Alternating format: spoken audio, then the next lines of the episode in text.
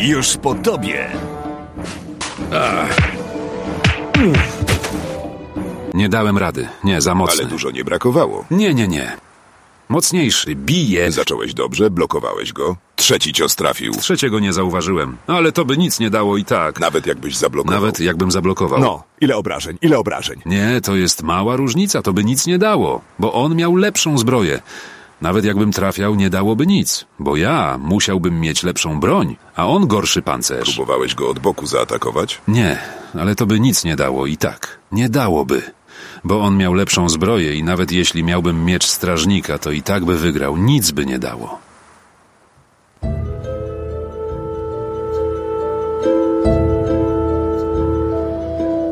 I witamy bardzo serdecznie w kolejnym 251 odcinku podcastu Bezimienny. E, Jak słyszycie, za pierwszym mikrofonem jest Krystian, ze mną w studiu będzie również Tomek, Cześć wszystkim. Mikołaj Dzień dobry, niespodzianka. Nie spodziewaliście się mnie pewnie tutaj, ale trochę mnie nie było, ale wracam, wracam, wracam, wracam. My Przy, się nie przynajmniej na dzisiaj. Ja się nawet nie spodziewałem. E, My też, się, my się też nie spodziewaliśmy, że e, w ogóle jak się już umówiłeś, to będziesz, nie? Więc, e, więc e, tak, jesteśmy jak- zaskoczeni. Jestem jak hiszpańska inkwizycja po prostu. E, do tego stopnia jesteśmy zaskoczeni, że Rafała z nami nie ma. Rafał był tak zaskoczony, że po prostu siedzi w domu. Że aż mu ząb no- wypadł z wrażenia. Że, tak, Rafał ma opcję z dentystą, więc ogólnie umiera. Umiera i cierpi. Dobra, słuchajcie, za, zanim przejdziemy, znaczy tak, dobra, odcinek 251, fajnie jest Mikołaj, do Mikołaja zaraz dojdę, ale tylko powiem, że ten, ten odcinek e, sponsoruje nasz e, patron, czyli jest to bodajże, jest to bodajże, już sobie przypominam, Michał. tylu tych...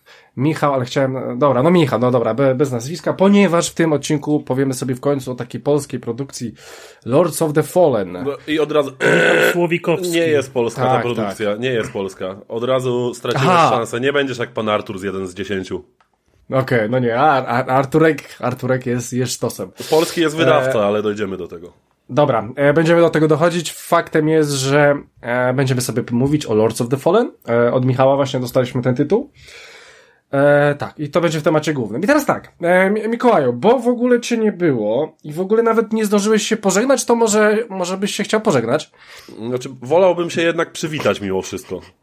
Aha, okej, no bo byłeś, wiesz, e, nie, nie nagrywasz już z nami i się nie pożegnałeś, no, więc myślałem, że może będziesz chciał już się pożegnać. Znaczy, wiecie co, jakby no wyszło jak wyszło, jakby dużo, dużo się działo jak to w moim życiu. E, zdecydowanie wolałbym jednak z wami nagrywać. jakby wiem, że namieszałem, e, podziało się bardzo dużo u mnie. E, bardzo dużo też niefajnych rzeczy między innymi. E, Ale nie będę gdzieś tam w to wnikał, jakby ci, co mnie dobrze znają, to, to wiedzą, chociaż też nie wszyscy. Natomiast zobaczymy, jak będzie. Na razie jestem, jestem przynajmniej dzisiaj. Chętnie dla Was coś poopowiadam. Chętnie po prostu wrócę tutaj, bo nie ukrywam, że wielką frajdę mi zawsze sprawiało nagrywanie tego podcastu. I mimo, że to jakby wyszło poniekąd ode mnie, to było mi kurewsko przykro przez to, że jakby życie mi się ułożyło tak, że musiałem na jakiś czas zrezygnować. Jak będzie, zobaczymy. Na razie idzie ku dobremu znowu, chociaż to moje życie, więc jak znajdę na ulicy pieniążek, to znajduję zazwyczaj zero groszy, więc zobaczymy jak będzie. Może życie mi rzuci jakiś lepszy pieniążek, tym razem przysłowiowy i, i w końcu będę mógł wrócić do normalnego rytmu i może i znowu regularnie dla was gadać o gierkach i nie Nie. tylko. Tak. E, bardzo miło by było. Dla Mikołaja zawsze jest u nas miejsce, więc jak będzie mógł, to zawsze będzie. E, I słuchajcie, e, przejdźmy do rzeczy takich e, społecznościowych. E, Od czego by tu zacząć? Od czego by tu zacząć? Od czego by tu zacząć? Może dobra, z, z, zacznę klasycznie. Od początku. Eee, no tak. Eee, zacznę e, klasycznie. Był jakiś jeden komentarz e, Lukasa. Lukas napisał takie dziwne rzeczy tutaj, że nawet nie, nie będę tego czytał, bo to, e, bo, bo, bo, bo to jest tak źle napisane. Ale e, była ankieta. E, Standardowo była, była ankieta i w tej ankiecie, nawiązując do odcinka, zadałem takie pytanie, czy gra Super Mario Bros. Wonder twoim zdaniem jest AAA-em? 50, no 55% osób stwierdziło, że nie jest, 45% osób, że jest. Stary- Mikołaju, Mikołaju, czy dla ciebie Super Mario Bros. Wonder to jest AAA czy nie? Znaczy, jak dla mnie w ogóle Nintendo nie jest AAA-em. Jakby, oni nie ogarniają często podstawowych rzeczy, ale robią zajebiste gry, które nie zawsze są AAA-ami, według mnie przynajmniej. Aha. E, A, Mar- a Marian? Znaczy inaczej. Jak dla mnie to są gry, które mają duży budżet i one często są AAA-ami w kontekście gameplayu, ale niekoniecznie technicznie. I ja bym powiedział, Mhm. że taki ten nowy Marian no, jest AAA-em, jakby, to, jakby na to nie patrzeć, bo ma duży marketing, jakby wychodzi od potężnej firmy, więc budżet tam był, no jakby definicja AAA to jest po prostu gra z wysokim budżetem tak naprawdę, więc budżet w tej grze na pewno był, chociaż ja nigdy nie byłem specem od, y, od gier Nintendo, szczególnie od Mariana.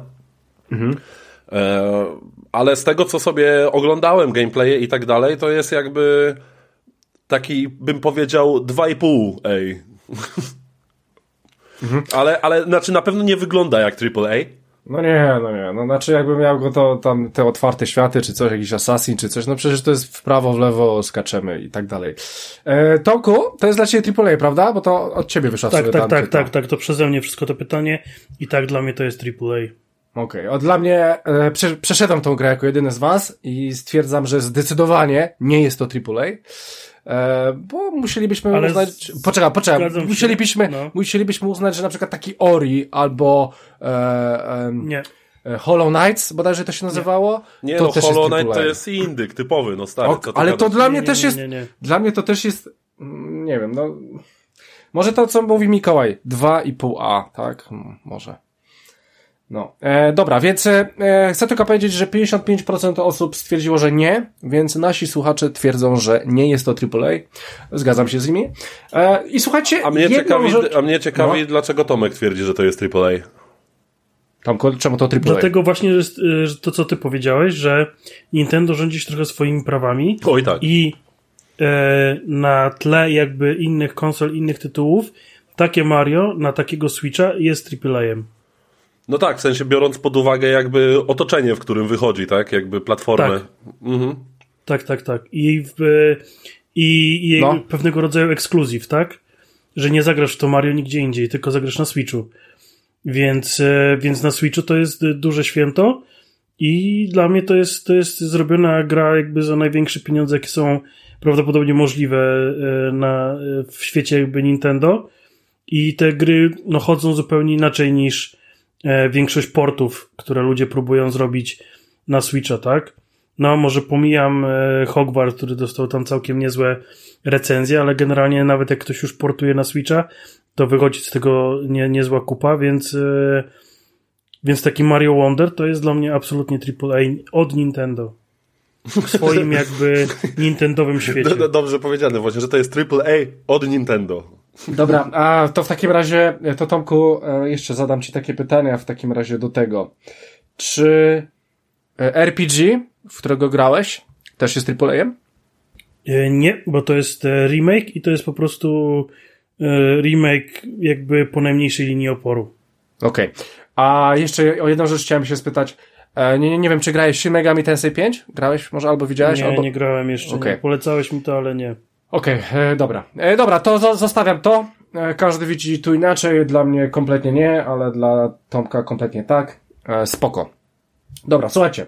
Ostatnio otwieraliśmy paczkę Spotify'ową i każdy mógł sobie stwierdzić, a ja słucham taką muzykę, taki gatunek, ten zespół, tą piosenkę i różne takie e, dziwne rzeczy. I wyobraźcie sobie, że nasz podcast też coś takiego ma. W związku z tym pora o tym powiedzieć. Zapowiedziałem, że powiem to na odcinku, więc jest odcinek, więc o tym mówię. Więc tak. Słuchajcie, najlepszy wynik, e, najlepszy odcinek w tym roku, e, który osiągnął największy wynik, najwięcej osób go przesłuchało. Wiecie z jaką grą? Tom, tom, tom. Tom, tom, tom. Nie mam pojęcia. Tom, tom, tom. E, bardzo popularną e, w świecie książek również też. Zrobili taką grę. Nikt jej nie przeszedł, ale wszyscy stwierdzili, że jest fajna. E, mowa tutaj o Howard's Legacy. E, wyobraźcie sobie, że ten odcinek obejrzało... Howard? Howard's Legacy? Howard. Howard Tak. Web? Howard Webb, wyobraźcie sobie, że 547% więcej miał niż inne odcinki. Wow. E, Widocznie mamy dużo poteromaniaków wśród fanów i słuchaczy. E, ba- bardzo no, dużo. ale ja przyszedłem, a y, Rafał wbił platynę z padką. A, To jak a udało im się. A nie, nie, bo ja słyszałem, że tam... No dobrze, zasugerowałem się moją żoną, która nie przeszła, gdzieś się odbiła. A ja byłem pod 20 koniec, inną- ja byłem pod koniec O, i, Mikołaj też. i pożyczyłem, pożyczyłem koledze, który mi do tej pory jej y, nie oddał. Ale jak odda, to na pewno skończę, bo mimo, mimo bolączek i pewnej powtarzalności, to i tak kocham tę grę. E, Faktem jest, że e, to był najmocniejszy odcinek. Wyobraźcie sobie, że w 2023 roku e, 66% słuchaczy e, nas odkryło, to właśnie w tym roku, więc to tak troszeczkę e, taka, taka dziwna statystyka, bo 66% słuchaczy odkryło cię w 2023 roku, co oznacza, że ci słuchacze cały czas rotują, odchodzą, przychodzą nowi. E, Ciężko się do tego od- odnieść. Wyobraźcie sobie, że odcinek z Baldur's Gate'em 3 e, przyciągnął najwięcej nowych słuchaczy. E, mam napisane, że 11 osób, 11% osób zaczęło właśnie od odcinka z Baldur's Gate'em 3. E, więc to jest ciekawe. Wtedy właśnie Gabi do nas, e, u nas była, więc, e, e, więc tak to wyglądało. No i oczywiście, jeżeli chodzi o kraj, no to w Polsce 87% słuchaczy, 87% słuchaczy jest z Polski. Zgadnijcie, jakie państwo jest na drugim miejscu i nie jest to Wielka Brytania. Haha! Niemcy? Niemcy też nie. No, ci- no, ja bym nie zgadł, ja bym nie zgadł, więc e, myślę, że nie macie co. bo Rumunia. E, Rumunia. Rumu, Rumuny to nie mają tam, wiesz, cygan, cy, chleb, chlebek mają. W ogóle w Rumunii ostatnio było grubo ze śniegiem. E, mam znajomych z Rumunii. E, faktem jest, że drugie miejsce to jest Szwecja. Mamy, mamy więcej słuchaczy ze Szwecji niż w Wielkiej Brytanii, co jest dziwne. No, ale No cóż, że ze Szwecji. jest. Okej. E, bo Jest taka kolejna tutaj kategoria ulubione gatunki podcastów twoich słuchaczy. Czas wolny, kultura jakieś takie głupoty to jest e, głupie, ale to jest ciekawe. E, wiecie jak, jaki gatunek muzyczny słuchają nasi słuchacze? W ogóle to jest pojebane. E, rock jest na trzecim miejscu, na drugim miejscu jest pop, a na pierwszym miejscu Norweski grindcore brutal vegetarian power metal. Okej, tak, dokładnie, bo jest to polski hip-hop, więc... E, Oho. ma, więc e, mm, ma, mamy taką kolejną ciekawostkę. E, patrzę jeszcze ja, dalej. Ja, ja się tą Szwecją zasugerowałem, Skandynawią ogólnie. Aha, ale to, to bardzo dobry pomysł w sumie. Wyobraźcie sobie, że najczęściej udostępnianym odcinkiem był odcinek z Need for Speed Unbound. Unbound. Unbound. E, jestem ciekaw, z kim ja to recenzowałem, bo był Rafał na odcinku i ty, Tomek, chyba ja też, byłeś. Tak, tak, tak. Ale tak, jestem tak. ciekaw Ja akurat- Grałem wtedy, ja byłem wtedy po demie y, tego. Aha, mo- może... Aha, okej. Zaraz, bo ja pamiętam, że to był moment, kiedy ja na początku strasznie kurwiłem na tego Need for Speeda, ale mnie chyba, mnie chyba nie było na tym odcinku, z tego co pamiętam. Ale pamiętam, że zacząłem grać sobie w tego Game Passowego triala i miałem straszny problem z tą grą, po czym spaliłem Blanta i nagle już nie miałem z nią problemu i mi się bardzo zaczęła podobać.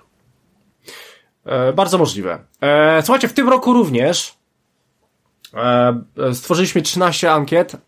Było ponad 200 odpowiedzi na nie. E, więc e, to też jest taka ciekawa. Znaczy te ankiety w sumie doszły nam niedawno, więc dla, dlatego tak to mniej więcej wygląda. Jest jeszcze takie pytanie.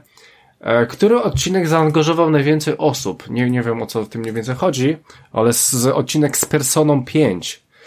Eee, I mam, e, nie wiem, aha, bo tam może były, może, dobra, e, pewnie chodziło, e, ja wiem o co chodziło, ale nie będę o tym mówił. E, słuchajcie, e, w tym Wydaje roku... mi się, że mogliśmy tym odcinkiem trafić na trochę też inną grupę odbiorców. Przez to, że zazwyczaj nie Faktycznie, nie bo było tematach, sporo, jednak, tak, masz rację, masz a, rację, jednak, a jednak te persony y, mają swoją y, grupę. Masz rację, e, masz rację szczególnie, że e, no to też był odległy dosyć temat i o personie w sumie mało, ma, mało się mu mówi. Ja myślę, że to jest taki, no mainstream to to nie jest i mało osób grało ogólnie w taki tytuł, więc może pojawili się jacyś inni. E, słuchajcie, w tym, e, w tym roku 15% więcej odtworzeń mamy na Spotify'u niż e, w roku ubiegłym i 28% więcej obserwujących niż w roku ubiegłym, więc cały czas rozwijamy się i idziemy do góry. E, Myślę, że jest to spowodowane tym, że Mikołaj od nas odszedł. Myślę, że to dzięki temu. Z pewnością. Okej, e, słuchajcie, to już kończę chyba z- do zobaczysz, tego. zobaczysz, co się teraz będzie działo. Jak jest potencjał na to, że wrócę, to dopiero będzie, kurwa. Ojor! Okej, dobra. E, kolejna ciekawa rzecz, że jesteśmy w 10 najulubionych podcast, podcastach 407 osób, osób. 407 osób ma nas w liście top 10, jeżeli chodzi o podcasty, e, 250 w top 5 i 60 osób ma nas są W dupie. naszymi, nie no, 60 osób ma nas na pierwszym miejscu. E, tak. E, I co ciekawe, na, największy, największy fani słuchali nas dwa i pół razy. E, dwa i pół razy, aha, częściej niż inne osoby, więc okej, no, są może osoby, które słuchają nas e, wyjątkowo e, dużo. 61% osu- procent osób odkryło nasz podcast. E, okej, nie wiem, znaczy ogólnie te statystyki są czasami takie z dupy. E, no i chyba to będzie tyle. E, skończyłem to. E, więc skończyłem to, tak, da, dalej mam jakieś głupoty. Dobra, więc e, to tyle, jeżeli e, chodzi o takie rzeczy e, społecznościowe. Jeszcze jedna rzecz.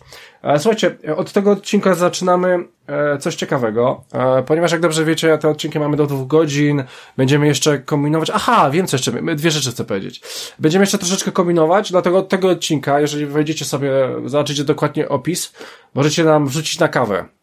Możecie tam wrzucić na kawę, na hot doga, albo na, czekajcie, tam jeszcze dałem na piwo. E, więc e, odpalamy wam taką ma, małą baję coffee, ale nie na baję coffee, bo mają dużą e, prowizję. Łączymy się z Patronite'em, bo oni praktycznie nic nam nie zabierają i możecie nam zasponsorować coś. To od razu mówię, cały ten hajs pójdzie na to, żeby odcinki Jeansy. przekraczały... Jeansy możecie zaspo- zasponsorować.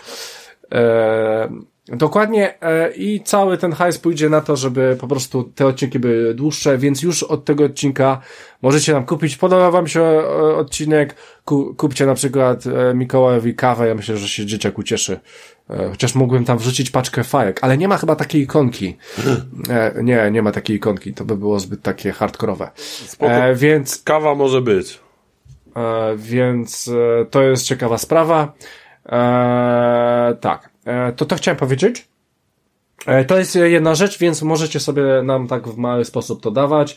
E, No bo Patronite jednak e, działa u nas w zupełnie inny sposób. Jeżeli chodzi o Patronite'a, to już e, e, ostatnimi gadżetami były koszulki. W ogóle Mikołaj, bo ty też dostałeś koszulkę. Jak ci się podobała koszulka? Koszulka jest zajebista. Krystian, jakby w końcu ci się coś udało w życiu. Jestem, jestem z ciebie tak dumny i zadowolony, jeśli chodzi o tę koszulkę, że po prostu brak mi słów. No, jak ją zobaczyłem, to się prawie zesrałem z radości. Okej. A e, rozmiarowo było ok? Tak, tak, tak, jest ideolo. Jest dokładnie taka jak noszę, szczególnie, że brzuch mi trochę urósł przez, przez ostatnie miesiące, więc akurat dobrze, że, że taka dość luźna XL-ka mi się trafiła. Więc nie no, ale w ogóle wzór, pomysł, no to jest szapoba, Krystianku. Szapoba, szapoba, słyszeliście to? Dobra, ja, ja w ogóle, ja w ogóle ten, ten element e, nagram w tym odcinku, będę sobie go puszczał. Znaczy, ja go sobie wytnę, będę sobie go puszczał. Dobra. E, więc słuchajcie, kolejne gadżety. E, teraz tak, e, ciekawostka. Gadżety dzisiaj do mnie doszły. E, gadżety będą tym razem z Anglii wysyłane. Już są spakowane, już są nadane. E, dlatego chciałem od jednego patrona adres. Piękne są. Piękne są. Są spoko, są spoko, e, więc one są już nadane, one są już spakowane, już są, mam wszystko wydrukowane, jutro po prostu wrzucam to e, do skrzynki. Dostajecie to, je trochę wcześniej, bo ogólnie powinniście je dostać po nowym roku, ale to są takie troszeczkę świąteczne gadżety, przynajmniej ja je tak troszeczkę traktowałem. W związku z tym chcę, żebyście dostali przed świętami i powinniście dostać, bo Marian do, do e, jednego patrona, do Piotrka, wiem, że już doszedł, więc e, no tak widzę, że z Anglii tak idzie to tydzień, półtora, więc przed świętami na pewno dostaniecie, więc spoko, więc to jest ten gadżet.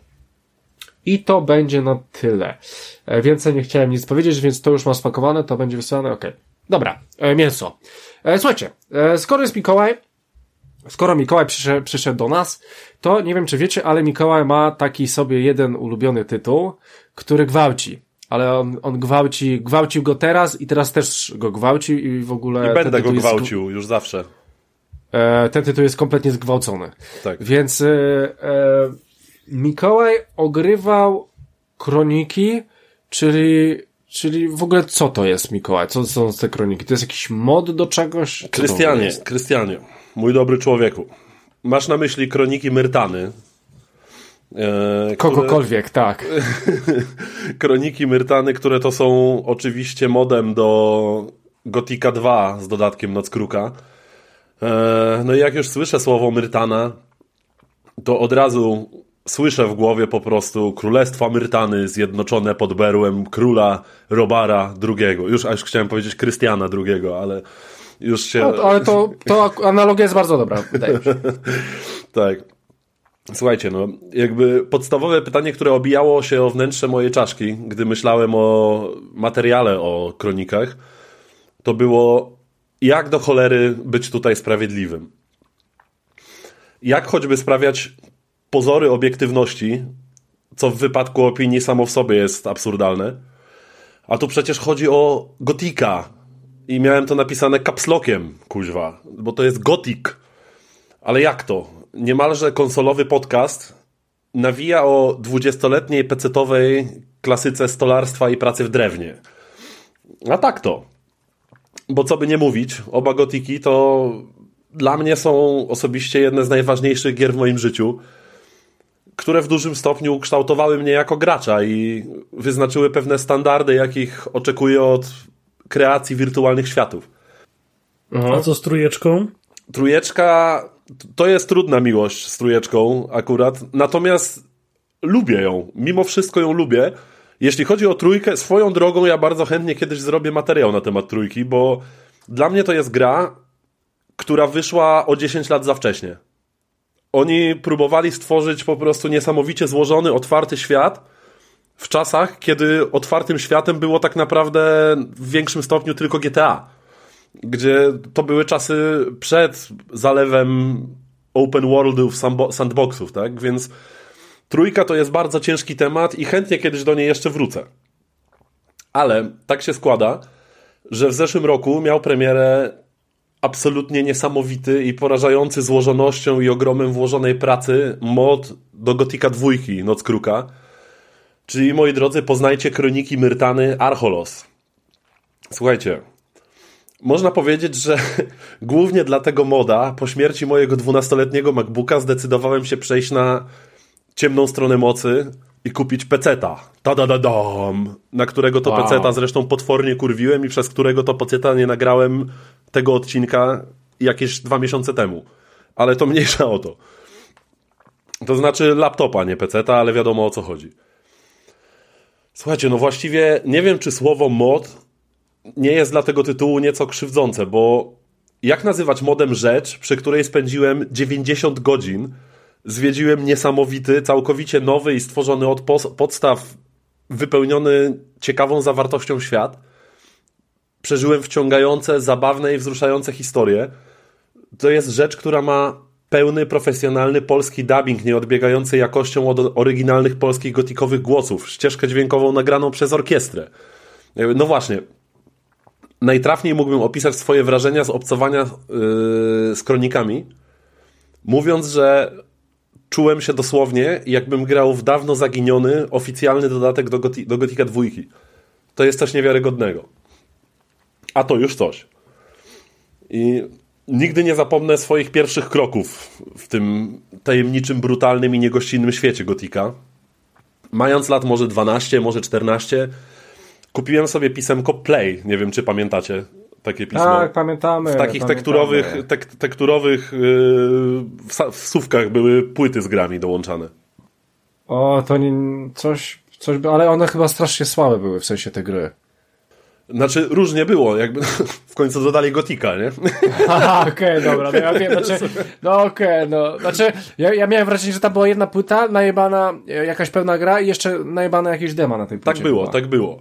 Ale no właśnie... Bo na przykład w CD Actionie to, wiesz, dostawałeś na przykład na jednej płycie jedną grę, nie? Znaczy, albo jak, jak, jak, już były, jak już były DVD-ki, to, to często tam były dwie, trzy pełne wersje i to takie całkiem sensowne nieraz, jeśli chodzi o CD Action. No ale Play no to, to jest pismo, które część naszych słuchaczy mających powyżej 149 lat może kojarzyć. Mhm. Zziejany przypedałowałem rowerkiem do domu, słuchajcie. Wyjąłem kartonową okładeczkę z mrocznie brzmiącą nazwą Gothic. I teraz. Pierwsza przebieżka. Walka z pojebanym jak lato z radiem sterowaniem. Kto grał, to wie i komputerem, który mówił please let me die, renderując koślawą grafikę w jakichś, nie wiem, 15-20 klatkach. I przez to wszystko przepadłem, słuchajcie. Zostałem bez pamięci wciągnięty w świat skazańców żyjących pod magiczną barierą, spod której nikt nigdy się nie wydostał.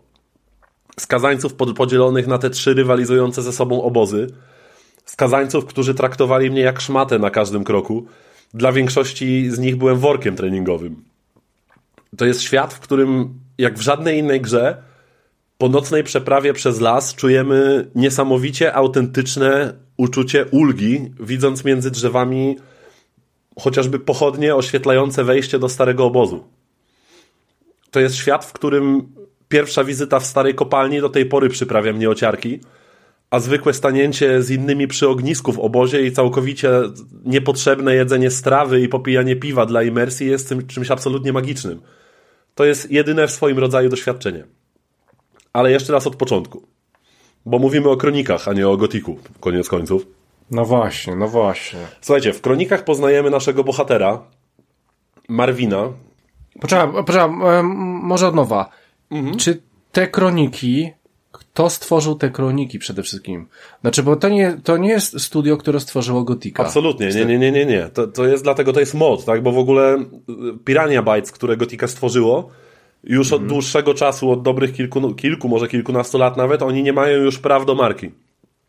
Oni stworzyli Gotika Trójkę, to była ostatnia gra z, z tego uniwersum, a później Joe y, kupił te prawa i przekazał to innemu studiu i stworzyli czwórkę Arcania e Gothic Tale, o którym wszyscy wolelibyśmy zapomnieć.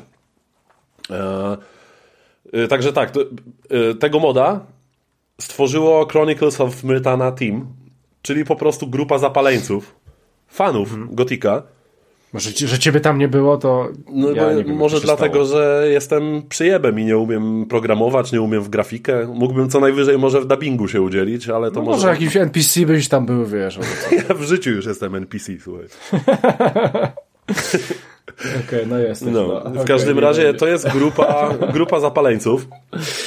E, to są goście, którzy robili tę grę po godzinach. E, ona była finansowana przez fanów. To jest coś niewiarygodnego, co im się udało osiągnąć. W każdym razie, no, Chronicles of Myrtana Team. E, oni zresztą nadal nad tym pracują i swoją drogą dla wszystkich fanów w tym, w tym roku wyjdą Kroniki 2.0 czyli poprawione kroniki z dodatkowymi wątkami, z dodatkowymi brońmi, modelami, jakąś dodatkową lokacją, ogólnie z wieloma, wieloma poprawkami. E, ale jak wspomniałem, mamy naszego bohatera Marwina. Pozdro dla znających genezę tego imienia. Poznajemy go w niezbyt przyjemnych okolicznościach. Otóż nasz hipek wraz ze swoim wielkim jak burnejka łysym bratem Jornem uciekają przed wojną ze swojej rodzinnej wyspy. Kroniki są, można powiedzieć, prequelem, znaczy można powiedzieć, są prequelem Gotika i de facto spin-offem. Mm, akcja dzieje się jeszcze przed stworzeniem magicznej bariery i przed zalaniem Myrtany i okolic przez orkowe legiony. Chłopaki opuszczają swoją rodzinną wyspę Londram na pokładzie przemytniczego statku. Kapitan okazuje się pierwszej wody fiutem i wysadza nas i kilku naszych znajomych e, z domu, fundując zimną kąpiel w, jezio e, w jeziorze, w morzu, kilkaset metrów od brzegu Archolos, czyli tytułowej wyspy. Ej, poczekaj, ty, ty znasz te nazwy, czy masz sobie zapisane je? Czy to akurat znam, no ja się w tę grę tak wkręciłem, że ja po Aha, prostu jestem, nie, no to... byłbym w stanie przytoczyć imiona większości bohaterów, nie? Wow, wow, no okej, okay, sztos, no. Tak. Znaczy kilka rzeczy tu w notatniku sobie wyszczególniłem, ale nie akurat nazwy własne, nie? Okej. Okay. I tak, i dopływamy do brzegu naszej wyspy, przemoczeni i oszukani, w środku nocy, i ruszamy wraz z Jornem do znajdującej się niedaleko wioski Silbach, w której e, Jorn i Marvin mają rodzinę, czyli wuja Kurta. Tam po jakimś czasie zawiązuje się główny wątek fabularny, zaczynający się właściwie od e, tajemniczego zaginięcia naszego brata, którego staramy się potem odnaleźć. Mm, I ja nie chcę tu mówić za dużo, bo fabuła to jest absolutnie jedna z najmocniejszych stron kronik. Tutaj nie ratujemy świata, nie jesteśmy wybrańcem, nie walczymy ze smokami i nie zmieniamy losów całych kolonii karnych. Owszem, zdarzają się doniosłe wydarzenia, ale historia jest kameralna, osobista, brudna i wciągająca. Coś pięknego. Trafimy na mnóstwo ciekawych i zapadających w pamięć dobrze napisanych postaci, z którymi przeprowadzimy dużo dialogów, w trakcie których kilka razy zarówno zaśmiałem się w głos, jak i zrobiło mi się przykro. No to jest cały wachlarz emocji. To, jak tu są napisane dialogi, to jest Mistrzostwo Świata. I to wszystko przy wykorzystaniu absurdalnie wręcz ograniczonej, antycznej technologii, w której dodawano stare monety do ekwipunku NPC, żeby nie znikały po zgonie. Jakby, żeby ich zwłoki nie znikały po zgonie, w tym sensie. No właśnie. E, technikalia. Jak tu ocenić rzetelnie mod do gry mającej na karku 20 lat, który to mod jednocześnie potrafił powodować opad mojej szczęki malowniczością lokacji i zmuszał mnie co chwilę do robienia screenów. No, wow, po prostu. Ogólnie tak, waniliowe kroniki nie różnią się jakością grafiki samej w sobie od Gotika dwójki. Ale postanowiłem, że jak już trafiłem na łono PC Master Race z całkiem mocnym lapkiem, to czemu by z tego łona nie skorzystać? Dlatego co? Wgrałem do moda moda dodającego obsługę DirectX 11, lepsze tekstury, efekty specjalne i zwiększające zasięg rysowania wszystkiego. I wow, to jest niesamowite, co przy odpowiednim nakładzie pracy i włożonego serducha da się osiągnąć przy użyciu nawet tak starej technologii. Wolumetryczne promienie słońca, mgły, odbicia w wodzie i tak dalej i tym podobne. Wszystko, czego w waniliowym wydaniu nie uświadczymy. Gęste lasy, opuszczone twierdze i krypty, pozornie ogromne miasto Archolos, w którym przez pierwsze kilka wizyt będziesz się autentycznie gubił i nie ma, że nie.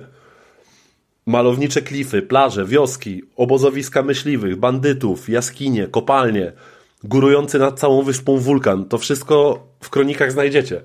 Serio, dajcie szansę tej prościutkiej, ale niesamowicie klimatycznej grafice. To jest niewiarygodne, ile nowych asetów zostało stworzonych na potrzeby tego tytułu. Jakieś pancerze, bronie, ubrania, postacie, elementy otoczenia. Widać od razu, że to jest praca zdolnych i kreatywnych artystów.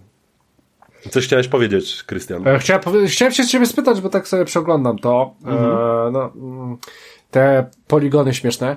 E, powiedz mi, to jest robiło, zrobione przez Polaków. Tak, tak, tak, tak, oczywiście. I to, bo, bo patrzę, że tu jest polskie audio, ale nie ma angielskiego audio. No nie ma. To jest ciekawe. Nie ma. To jest ciekawe. Są angielskie napisy. Są angielskie napisy, czyli jak Tak. ktoś chce zagrać, to musi grać z polskim dubbingiem. Dokładnie tak. I swoją A- drogą to zostało świetnie przyjęte za granicą, bo okazuje się, że polski dubbing w Gotiku jest absurdalnie klimatyczny i niesamowicie pasuje do tej gry.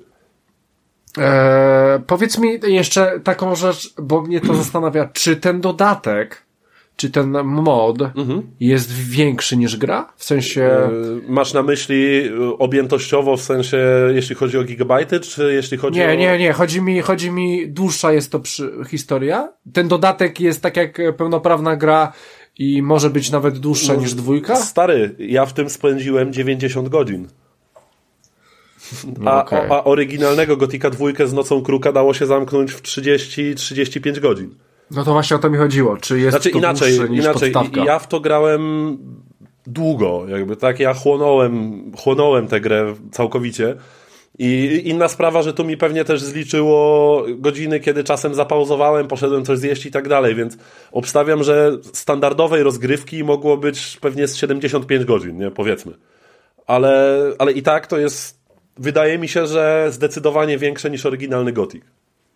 Czy to jest e, w tym samym świecie? W Tak, sensie, tak, tak, w sensie... E, Znaczy czy mówię- trzeba tą dwójkę przejść, żeby grać ten dodatek, czy od razu w, w to można wjechać? Znaczy można, można w to wjechać, bo to jest zupełnie osobna historia. To się dzieje w tym uniwersum, w tym świecie, ale na zupełnie innej wyspie, bo oryginał się dział na Korinis, na, na innej wyspie niż, niż Archolos. Więc Okej. y, jak najbardziej to jest gra, w której fani podstawki, no mówię, Gocha się ze mnie śmiała, że ja podskakiwałem na krześle po prostu trochę jak przy, y, jak przy Hogwarcie, jak dziecko skakałem i, i miałem takie, ojej, naprawdę, o, to jest gość, którego później w kolonii karnej się spotyka, nie? No, mrugnięć okiem do fanów, tutaj jest absurdalnie duża ilość. Więc zdecydowanie, no oczywiście można w to przejść i ta gra obroni się sama bez najmniejszego problemu, ale jako fan Gotika będziesz miał po prostu nieprzerwaną erekcję zwiedzając ten świat. E, ja mam, ja mam taką, ja taki minus mam, znalazłem taki minus w e, tym, w tym modzie, Mhm. że, jest za, że jest za prosty. Czy jest za prosty? Tak, znaczy inaczej. Mm, zależy jak. Z, z Gotikiem zawsze tak było, że tak naprawdę zależy jak się gra, bo na przykład zawsze łucznik to był taki easy mode, nie? E, natomiast owszem, pod koniec, no inaczej, w drugiej połowie gry troszkę jest problem z balansem i gra robi się troszkę zbyt prosta. Natomiast przy odpowiednim podejściu, przy staraniu się nie uży... przy nieużywaniu tych rzeczy typu cheezowanie wrogów, jakieś zrzucanie ich w przepaści i tak dalej, e, no to można sobie samemu po prostu tę grę utrudnić. Natomiast z tego co wiem, właśnie w tym wyżej wspomnianym, e, w wy- wyżej wspomnianej wersji 2.0 tego moda, będzie, y, będą poprawki balansu i jakiś nowy tryb hardcore, z tego co pamiętam, że będzie dużo mniej, dużo mniej zasobów, ogólnie utrudnione ma, utrudniona ma być ta rozgrywka, ale tak. Znaczy, trudno jest mi to tak naprawdę uznawać za wadę, bo ta gra nadal potrafi być bardzo wymagająca, ale owszem, w drugiej połowie, kiedy już dopakujemy naszą postać, to może być momentami troszkę za prosto, natomiast to jest zarzut, który można postawić do absolutnie każdego gotika. Bo tam zawsze były problemy z balansem. Okej. No właśnie mnie to zastanawia, bo tak czytam. Ale e, ciekawa sprawa jest, bo przeczytałem, że oni nawet dograli nowe animacje z wykorzystaniem prostych środków. Stary, to jest ciekawa ja sprawa. jeszcze do tego dojdę. Ja jeszcze do tego dojdę. Okej, zobaczysz. no dobra, no to, to jedź. Bo naprawdę, to co im się udało tutaj osiągnąć, oni dodali rzeczy, których, które nie miały prawa zadziałać w podstawce, na tym samym silniku. Coś wspaniałego. Jakby do tego, co powiedziałem, ja też nie mogę przejść obojętnie wokół ścieżki dźwiękowej. Bo mamy nowe aranżacje dobrze znanych utworów z podstawek, cała masa całkowicie autorskich numerów. I uwaga, wszystko to jest nagrane przez profesjo- profesjonalną orkiestrę symfoniczną. Tu sobie zapisałem, ona się nazywa Andantes Inferno. Yy, Przy wsparciu Uniwersytetu Muzycznego imienia Fryderyka Chopina w Warszawie. Więc tutaj jakby napracowanie to było coś niewiarygodnego. Do tego w pełni profesjonalny pol- polski dubbing. Brak mi słów, szczerze mówiąc. Tutaj absolutnie każda kwestia w tej grze została udźwiękowiona przez aktorów, bez posiłkowania się AI czy innymi tego typu rzeczami. Obsada robi tak samo wielkie wrażenie. Mamy tutaj Mirosława Zbrojewicza, Cezarego Żaka, Olgę Borys, Artura Barcisia, Cezika, y, żeby wymienić tylko bardziej znane twarze i głosy. Jakby, czy my nadal rozmawiamy o modyfikacji? Come on. No tak, tak, tak. Dalej nie sposób nie zachwycić się ogromem nowych mechanik i aktywności yy, postawionych na niesamowicie ograniczonej pod tym względem podstawce przecież. No bo jak tu nie jarać się tym, że udało się twórcom zaimplementować nawet posiadanie własnego domu i urządzanie go. A jak? Przez kreatywność. Słuchajcie, dom meblujemy sobie kupując towary u specjalnych handlarzy i ustawiamy je, wchodząc w interakcję z naszym biurkiem w postaci dialogu. Czyli mamy, pojawia nam się normalne okienko dialogowe jak z postacią, tak? Po prostu jakbyśmy wybierali opcje dialogowe, wybieramy miejsce, w którym chcemy postawić dany przedmiot, a potem konkretny element. Łuczarstwo, oprawianie zwierząt, gotowanie, kowalstwo, alchemia, wytwarzanie run, zwojów, kradzieże kieszonkowe, otwieranie zamków, paserka, nawet rąbanie drewna i wydobywanie rudy. I na pewno nie wymieniłem wszystkiego. To jest niesamowicie, jak kreatywnie i do granic zostały wykorzystane możliwości tego starszego niż świat silnika. Ja pomijam już fakt, że dzięki temu zatrzęsieniu możliwości sens ma w końcu zbieranie najróżniejszych pierdół. Ba, nawet jedzenie zróżnicowanych posiłków, które możemy sobie gotować, co jakiś czas da nam drobny bonus do naszego całko całkowitego HP, siły, zręczności i tak dalej, że przy zjedzeniu różnych posiłków w końcu wyświetli nam się komunikat, że bonus za zróżnicowaną dietę na przykład. po prostu no fantastyczne pomysły. Ale to w końcu RPG, a wiadomo, czym byłby RPG bez ciekawych, dobrze zaprojektowanych questów. I oh boy, już w pierwszej wspomnianej wcześniej, tej większej osadzie Silbach, natrafiamy na sieć zadań, dzięki którym zdobywamy zaufanie nieufnych wobec nas, yy, czyli uciekających przed wojną przybyszów, tak? Yy, to jak questy wynikają jeden z drugiego, jak dużą dowolność często mamy w ich, w ich wykonywaniu i jak różnorodne są, to jest prawdziwa siła tej gry, której brakuje wielu dużo bardziej zaawansowanym technologicznie i budżetowo produkcjom. Mamy tutaj poszukiwanie zaginionej owcy, podboje miłosne królewskiego gwardzisty na przepustce, dokonywanie prowokacji na koncercie antyroyalistycznego zespołu muzycznego, pracę pod przykrywką w tajnej przystani piratów, walka z biurokracją w celu zostania obywatelem miasta, jakieś rozwiązanie zagadki podrabianych złotych figurek jednego z bogów sprzedawanych pod kościołem. W ogóle cała sieć zadań dla gildii kupieckiej, do której zdecydowałem się dołączyć, no, jest tego tyle, że samodzielne odkrywanie to ogromna i niebywale satysfakcjonująca frajda. No, ja po prostu z wypiekami na twarzy jarałem się każdym nowym zadaniem i tym, gdzie ono mnie doprowadzi. No ale właśnie, wspomniałem o gildiach. Czyli coś, z czego zawsze gotiki słynęły. Możliwość dołączenia do jednego ze stronnictw, dzięki któremu mamy większe niż gdziekolwiek indziej wrażenie uczestnictwa w tym świecie przedstawionym. To nie jest Skyrim, w którym możemy dołączyć do praktycznie każdego stowarzyszenia w grze bez konsekwencji. Tutaj się dołączasz i albo jesteś lojalny, albo i pniesz się po szczeblach, albo wpierdol i koniec współpracy. Stronnictwa to nie, nie są tylko zadania, ale i unikalny ekwipunek, nauczyciele i przyjaciele, którzy pomogą nam w trudnych chwilach. A tych trudnych chwil trochę będzie, bo y, jak wspomniałem, Gothic przez dużo, dużo czasu to nie w stołek pierdnął. Ta gra niewiele wybacza przez dużą część rozgrywki. Żeby się uleczyć, musi, uleczyć, musimy wejść do ekwipunku bez pauzy. Wraz z, y, walka z kilkoma przeciwnikami, choć trochę silniejszymi od nas, to prawie pewny zgon. Chyba, że wykażemy się sprytem i pomysłowością. No i umiejętnością wykorzystania licznych gliczy i bugów, tak? tak jak wspomniałem, że można sobie grę bardzo ułatwić, na przykład blokując przeciwnika na jakimś tam elemencie otoczenia. Mamy trochę punktów nauki otrzymanych za, za każdy poziom, które chcemy wykorzystać. No jakby nie wejdziemy do magicznego menu umiejętności, żeby sobie podnieść poziom. Musimy znaleźć konkretnego nauczyciela, który wtajemniczy nas w konkretną umiejętność. Albo znaleźć książkę traktującą o interesującym nas temacie i wejść z nią w interakcję. E, pieniędzy wiadomo, że wiecznie brakuje, przynajmniej przez pierwszą połowę gry. Wszystko jest drogie w cholerę. Aż miałem momentami wrażenie, że Archolos się znajduje w Polsce. E, owszem, czasem pojawia się uczucie niesprawiedliwości i frustracji, szczególnie kiedy przez błąd gry albo własną nieuwagę przyjmiemy strzała, którego dostać nie powinniśmy. Nie mamy oczywiście znaczników na mapie, a samą mapę musimy sobie kupić u handlarza, inaczej nie ma patrzenia, gdzie właściwie jesteś.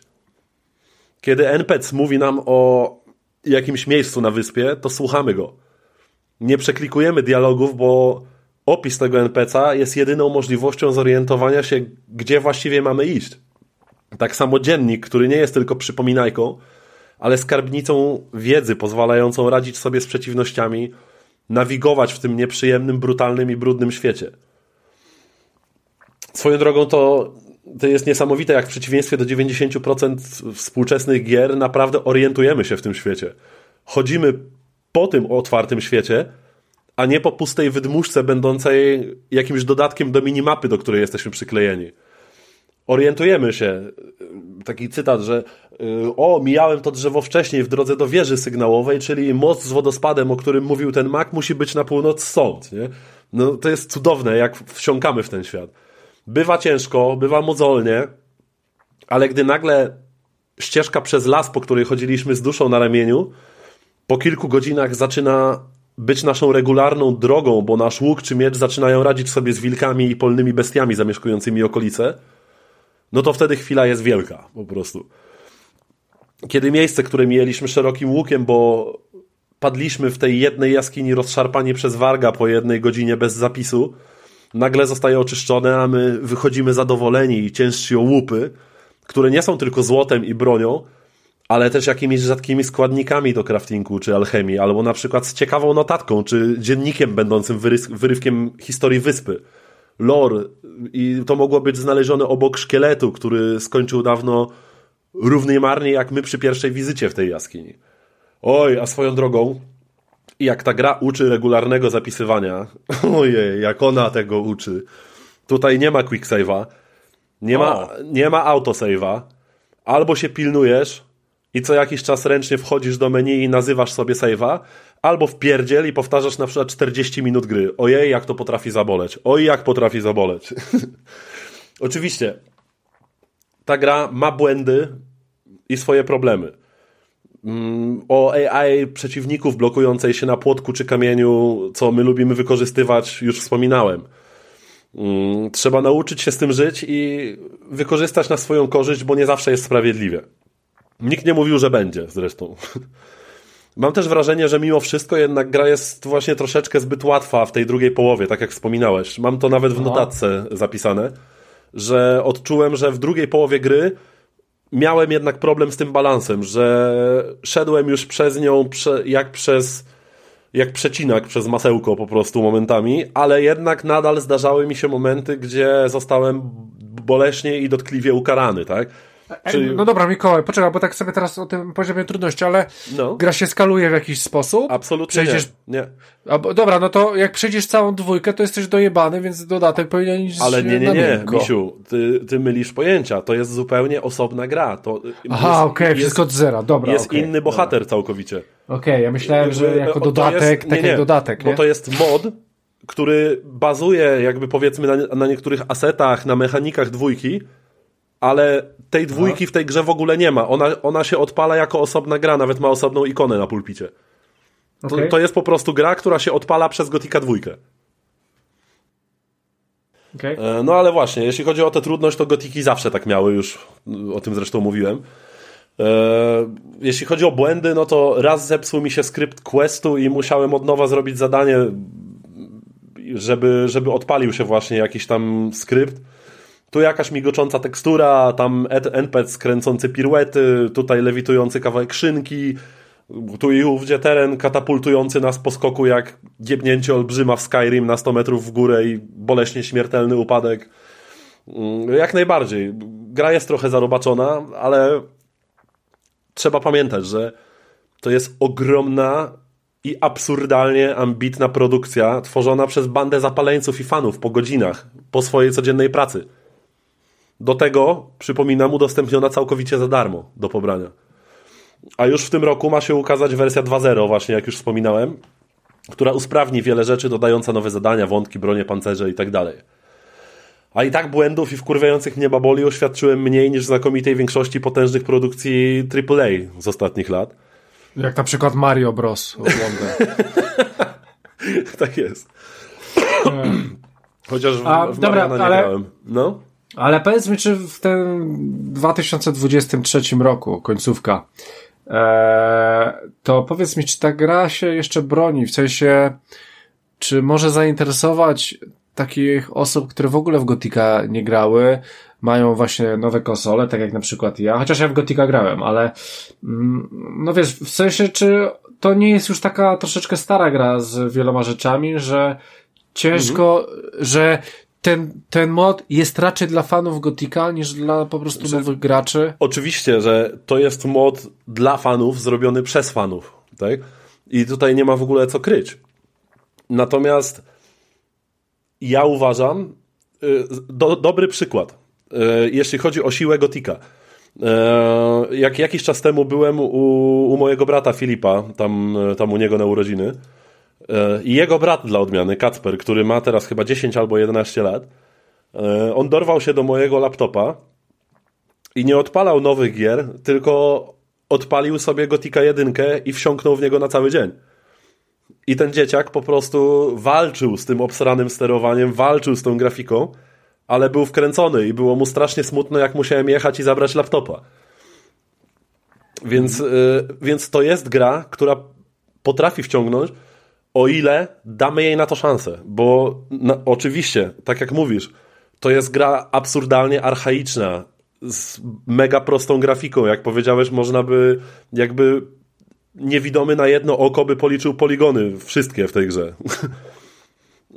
I owszem, jest drętwa, jest czasem koszmarnie niesprawiedliwa i upierdliwa, ale jeśli dasz jej szansę, to gwarantuję ci, że przeżyjesz przygodę nie przejdziesz grę. Przeżyjesz przygodę. Mhm. I to jest coś pięknego. No dobra. Eee, znaczy jeszcze, jeszcze, mam parę takich drobnostek w sumie. Znaczy właściwie no mógłbym tak długo jeszcze, ale w sumie jeszcze wam drzazgi powchodzą od tego drewienka. No, no, No, no. co mogę powiedzieć? Jakby jedyne, co ciśnie mi się na usta w stronę twórców, to dziękuję.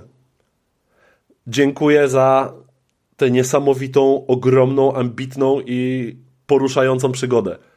A ja wiem, o to Słuchaj, co mogę się spytać. Słuchaj, jakby dzięki tej grze ja poczułem się, jakbym znowu miał 14 lat i siadał do kompa z wypiekami na twarzy, żeby odkrywać ten świat.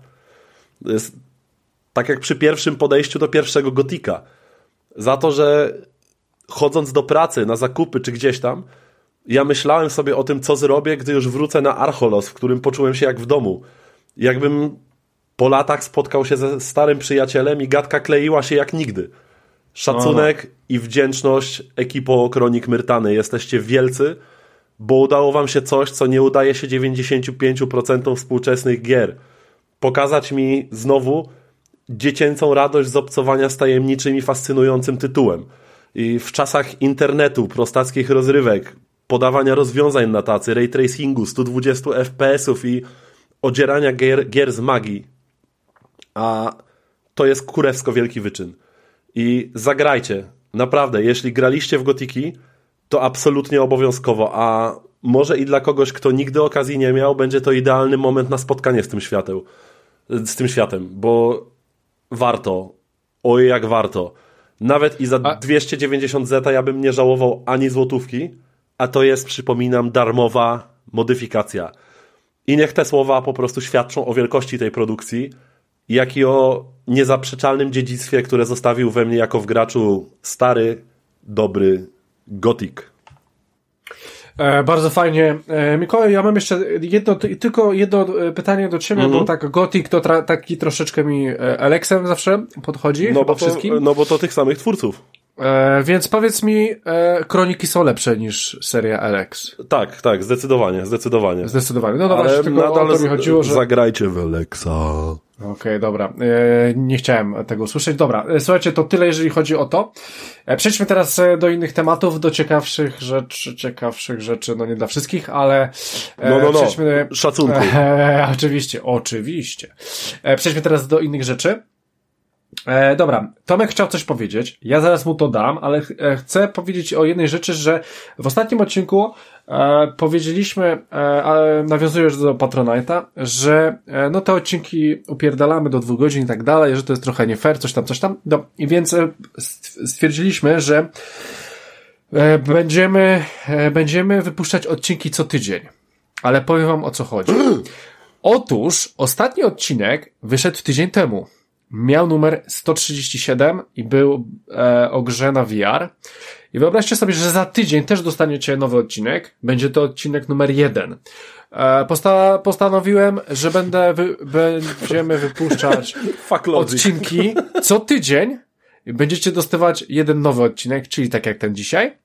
No i za tydzień dostaniecie odcinek, którego na Spotify'u nie ma, czy na RSS-ach nigdzie już raczej nie ma, a ja go będę odświeżał, więc będziecie co tydzień tak na dobrą sprawę dostawać nowe odcinki. I, żeby było ciekawie, za tydzień, za tydzień, nie wiem, po prostu jak będę miał czas, to wrzucę tam we wtorek, w środę, czwartek, wrzucę wam pierwszy odcinek podcastu bezimienny. Zobaczycie, co się wtedy działo. Oho, co się Wow. wtedy działo. Ja ten, ja, ja nie ręczę za nic. Jeszcze, jeszcze jest zerowy odcinek, ale A, chyba... W pierwszym odcinku to ty ty byłeś sam, czy z Ekstomkiem, czy z kimś ty tam byłeś wtedy? Nie, nie. Ja byłem wtedy z Piotrkiem i z Jackiem. To my, my to zaczynaliśmy. Mój Więc Boże. zobaczycie... To tak, są, tak. e, To są czasy Więc... sta starsze niż Gothic, po prostu. to na pewno starsze niż e, te kroniki. E, I co tydzień będę wrzucał wam kolejne odcinki do góry, aż dojdziemy do 137 numeru i będą wszystkie odcinki na Spotify'u i na RSS-ach. Więc to jest takie troszeczkę zadośćuczynienie na Patronite, ale wierzcie mi, mamy jeszcze coś przygotowane, coś ciekawego w przyszłym roku. Tak, to chciałem powiedzieć, więc e, chcę być po prostu fair. Tomku, ty chcesz powiedzieć o Battle Passie, czy masz na myśli Call of Duty? Tak, chciałem... chciałem Bo dzi dzisiaj ruszyła, czy wczoraj ruszyła, tak? E, Tak, tak, tak, tak, tak. E, W, w 6 grudnia dokładnie ruszył nowy e, nowy sezon, ale nie o tym chciałem mówić. E, Mianowicie e, na poprzednim odcinku powiedziałem, że e, mając wykupionego Battle Passa nie jesteśmy w stanie zdobyć e, tyle monetek, żeby móc sobie kupić tego Battle Passa ponownie e, w następnym sezonie i jest to nieprawda. Wprowadziłem Uf, was w błąd. bo co już chciałem pluć. No. Już chciałem harchać i Pierdol. pluć po prostu. E, Ja też. Żyłem w takim przekonaniu, ale nie dawało mi to spokoju. Zaraz po odcinku poszedłem, sprawdziłem i okazało się, że jeżeli faktycznie tego Battle Passa całego wystukamy, to jesteśmy w stanie e, pełną równowartość e, tego podstawowego, tego tańszego Battle Passa odzyskać. E, Dziękuję za uwagę. E, Oddaję głos do studia. W, w Rodram. E, czyli powiedz mi, czyli w takim razie co sezon można grać za darmo? E, Jeżeli, znaczy, jeżeli się raz wykupiło, No z, tak, tak, z, tak. z tak. dowolnego powodu wykupiło się i na 100% się zrobi, to tak. Okej, no dobra, no to właśnie o to mi chodziło. E, dobra, więc. E, mm, mm, mm, mm, mm, mm, mm. dobra, jest Mikołaj, więc wykorzystamy to do e, być może ciekawej rozmowy. Ale, ale E, niech, dobra. zacznie, niech zacznie Tomek, bo ja muszę odtajeć po tych kronikach, bo Nie, nie, nie, prostu... nie, nie, nie, to teraz Tomek będzie opowiadał spokojnie, To ale powiem, jesteś ty, Bo po, a ty kronikach, możesz. bo po kronikach ja muszę sobie zapalić jak po dobrym seksie po prostu, rozumiesz teraz? A nie, o ja. E, tak, ale bardziej mi chodzi o to, że on powie o tytule, który ciebie też będzie interesował. Otóż, Absolutnie. e, Tomku, to jest ten moment, w którym możesz powiedzieć o pewnej polskiej produkcji, która. Bo są dwie. Nie Teraz polskiej. tak. O... A poczekaj, ale ty nawet nie wiesz o czym. E, Ty jeszcze nie wiesz o czym, więc ty na razie nic nie mów. O No, pewnej, no tam już jest napalony. e, pewnej polskiej produkcji, e, która podobno, ej, ale to obie są takie, która nie sprzedała się zbyt dobrze, e, ale która dobrze, która traktuje o kosmosie. A, Może- dobra. Okej, to, to, to sorry, to ja już nic nie mówię, przepraszam. E, tak. I która ma taki sam, e, taki sam, taką samą nazwę jak serial na Amazon Prime, który zacząłem drugi sezon i mi się bardzo podoba. Może nie jest jakaś rewelacja, ale mi się dalej podoba. Czyli e, będzie to tytuł The Invincible i zanim Tomek opo opowie o tym tytule, to ja wam powiem pewną anegdotę do tego. Wyobraźcie sobie, że dostaliśmy ten kod od dziewczyny, e, która pracuje w Warszawie w 11, 11 Bits. Tak? Uuu. E, 11 bit. Żeby, żebyśmy po prostu sobie sprawdzili. Znaczy, dostał mój kolega, a kolega mi dał, my się jeszcze, on, ja się jeszcze z nią kontaktowałem osobiście. Już myślałem, Ona- że my mamy takie znajomości. Znaczy, można powiedzieć, że dobrze, no to właśnie chcę o tym powiedzieć, że, że e, kontaktowałem się ogólnie, e, no, no, był kontakt z tą osobą e, i ona robi coś tam, e, robiła coś w tej grze, e, dostała kod, my go wpisaliśmy, bla, i tak dalej i chciałem ją zaprosić do odcinka, żeby poopowiadała trochę o tej grze. Ale no niestety, ze względu na firmę, w której pracuje, zakazy, bla, bla, nie może przyjść, nie może poopowiadać, bo po prostu nie mogą czegoś takiego robić. E, to też jest dosyć słabe, bo jakbym chciał zaprosić kogoś, e, kto jest po prostu związany z branżą, tak jak ona, no to nie mogę, mogę wziąć tylko PR-a, a tych PR-owców bardzo często no nie spytam się o takie techniczne rzeczy, które na przykład mnie mogą interesować też, tak? E, no więc, e, no niestety próbowaliśmy, żeby była dodatkowa osoba do tego, ale no niestety nie udało się. E, no i będzie tylko i wyłącznie Tomek, przykro mi, będzie tylko i wyłącznie Tomek. E, dobra, Tomku, e, opo- Ale, ale e, wiem, Tomek, że... te, Tomek też spoko. Znaczy, to ogólnie to może być, no. no to wiesz, jak, jak już jest. musi. Jak już musi, nie. E, więc dobra, Tomek, The Invincible, ogrywałeś to na na komputerze osobistym. osobistym, e, bo nie wiem, czy wiecie, ale Tomek ma osobisty komputer. Mam A jak bardzo Dobra, osobisty jest ten komputer? bardzo, Jest bardzo osobisty, to dobrze. bardzo osobisty. To nie jest zwyczajny osobisty, tylko to jest bardzo osobisty. Czyli E, nie, no, niczym- e, tak naprawdę ogrywałem go na lapku, e, nie, nie, e, więc, więc teoretycznie e, nie klasyfikuje się to jako PC. Czyli nie jest ale- aż tak bardzo osobisty jednak. Nie, znaczy jest bardzo osobisty, bo właśnie nie jest ten. Ale jakby nie o tym. Um, ogrywałem go sobie na, na, na, na, na laptopiku. E, I e, mówiąc szczerze, e, pierwsze pozytywne zaskoczenie, bo ogrywałem też demo e, tej, tej, tej, tej produkcji e, jakiś czas temu. Było ono dostępne zaledwie przez chwilę i, i mi się udało to tam szybko sobie ogarnąć. I to demo chodziło mi dosyć średnio.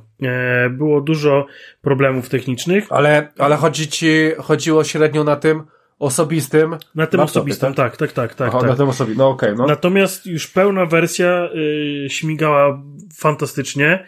E, w bardzo wysokich detalach e, przebrnąłem przez całą e, podróż, nastrzelałem mnóstwo screenshotów i, i naprawdę no, było widać, że panie i panowie z, z 11 Beats no, wyciągnęli wnioski z tego dema i, i, i pociągnęli temat naprawdę profesjonalnie. Ale 11 Beat w ogóle oni potrafią w, w widoczki, w obrazki. Jakby to, to, tam pracują bardzo zdolni artyści.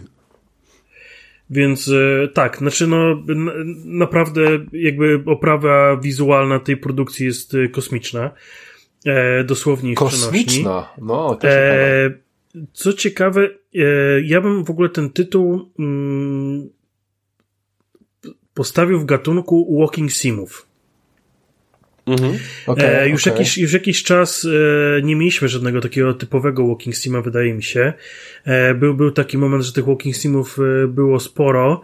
Mm, bo tutaj teoretycznie można powiedzieć, że jest to, jest to gra przygodowa, coś tam robimy, gdzieś tam coś musimy kliknąć, gdzieś jest jakaś e, odrobina akcji, że tam jednak te przyciski trzeba powciskać, ale jednak e, przez specyfikę e, tej produkcji jednak bliżej mi właśnie do gatunku walking sim niż do przygodówki.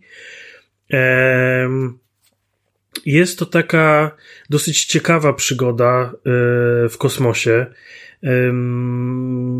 Taka o szaleństwie, taka o samotności, e, taka o przerażeniu, o różnych takich emocjach, które często spotykają nas w ekstremalnych sytuacjach, e, a które często są e, niepotrzebne i, i w jakiś sposób powodują większe obrażenia niż można, e, niż można by było normalnie je otrzymać, gdyby, gdybyśmy zachowali chłodną głowę.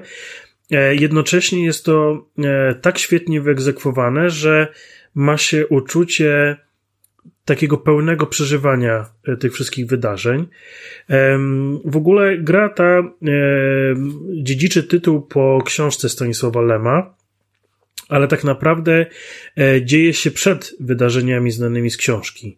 E, czyli poznajemy zupełnie nową historię. Dodatkowo mamy kilka zakończeń tej, tej przygody, więc też jest to, jest to taka dosyć fajna sprawa, jeżeli lubicie w ogóle e, twórczość Stanisława Lema, bo wiem, że z tym bywa różnie. E, I, I dla wielu e, kapitan Pirks to, był, to była droga przez mękę i już większość moich znajomych nie sięgnęła po nic Lema. Tak, tutaj ten Invincible naprawdę fajnie wprowadza nas w klimat tej, tej właśnie fantastyki polskiej.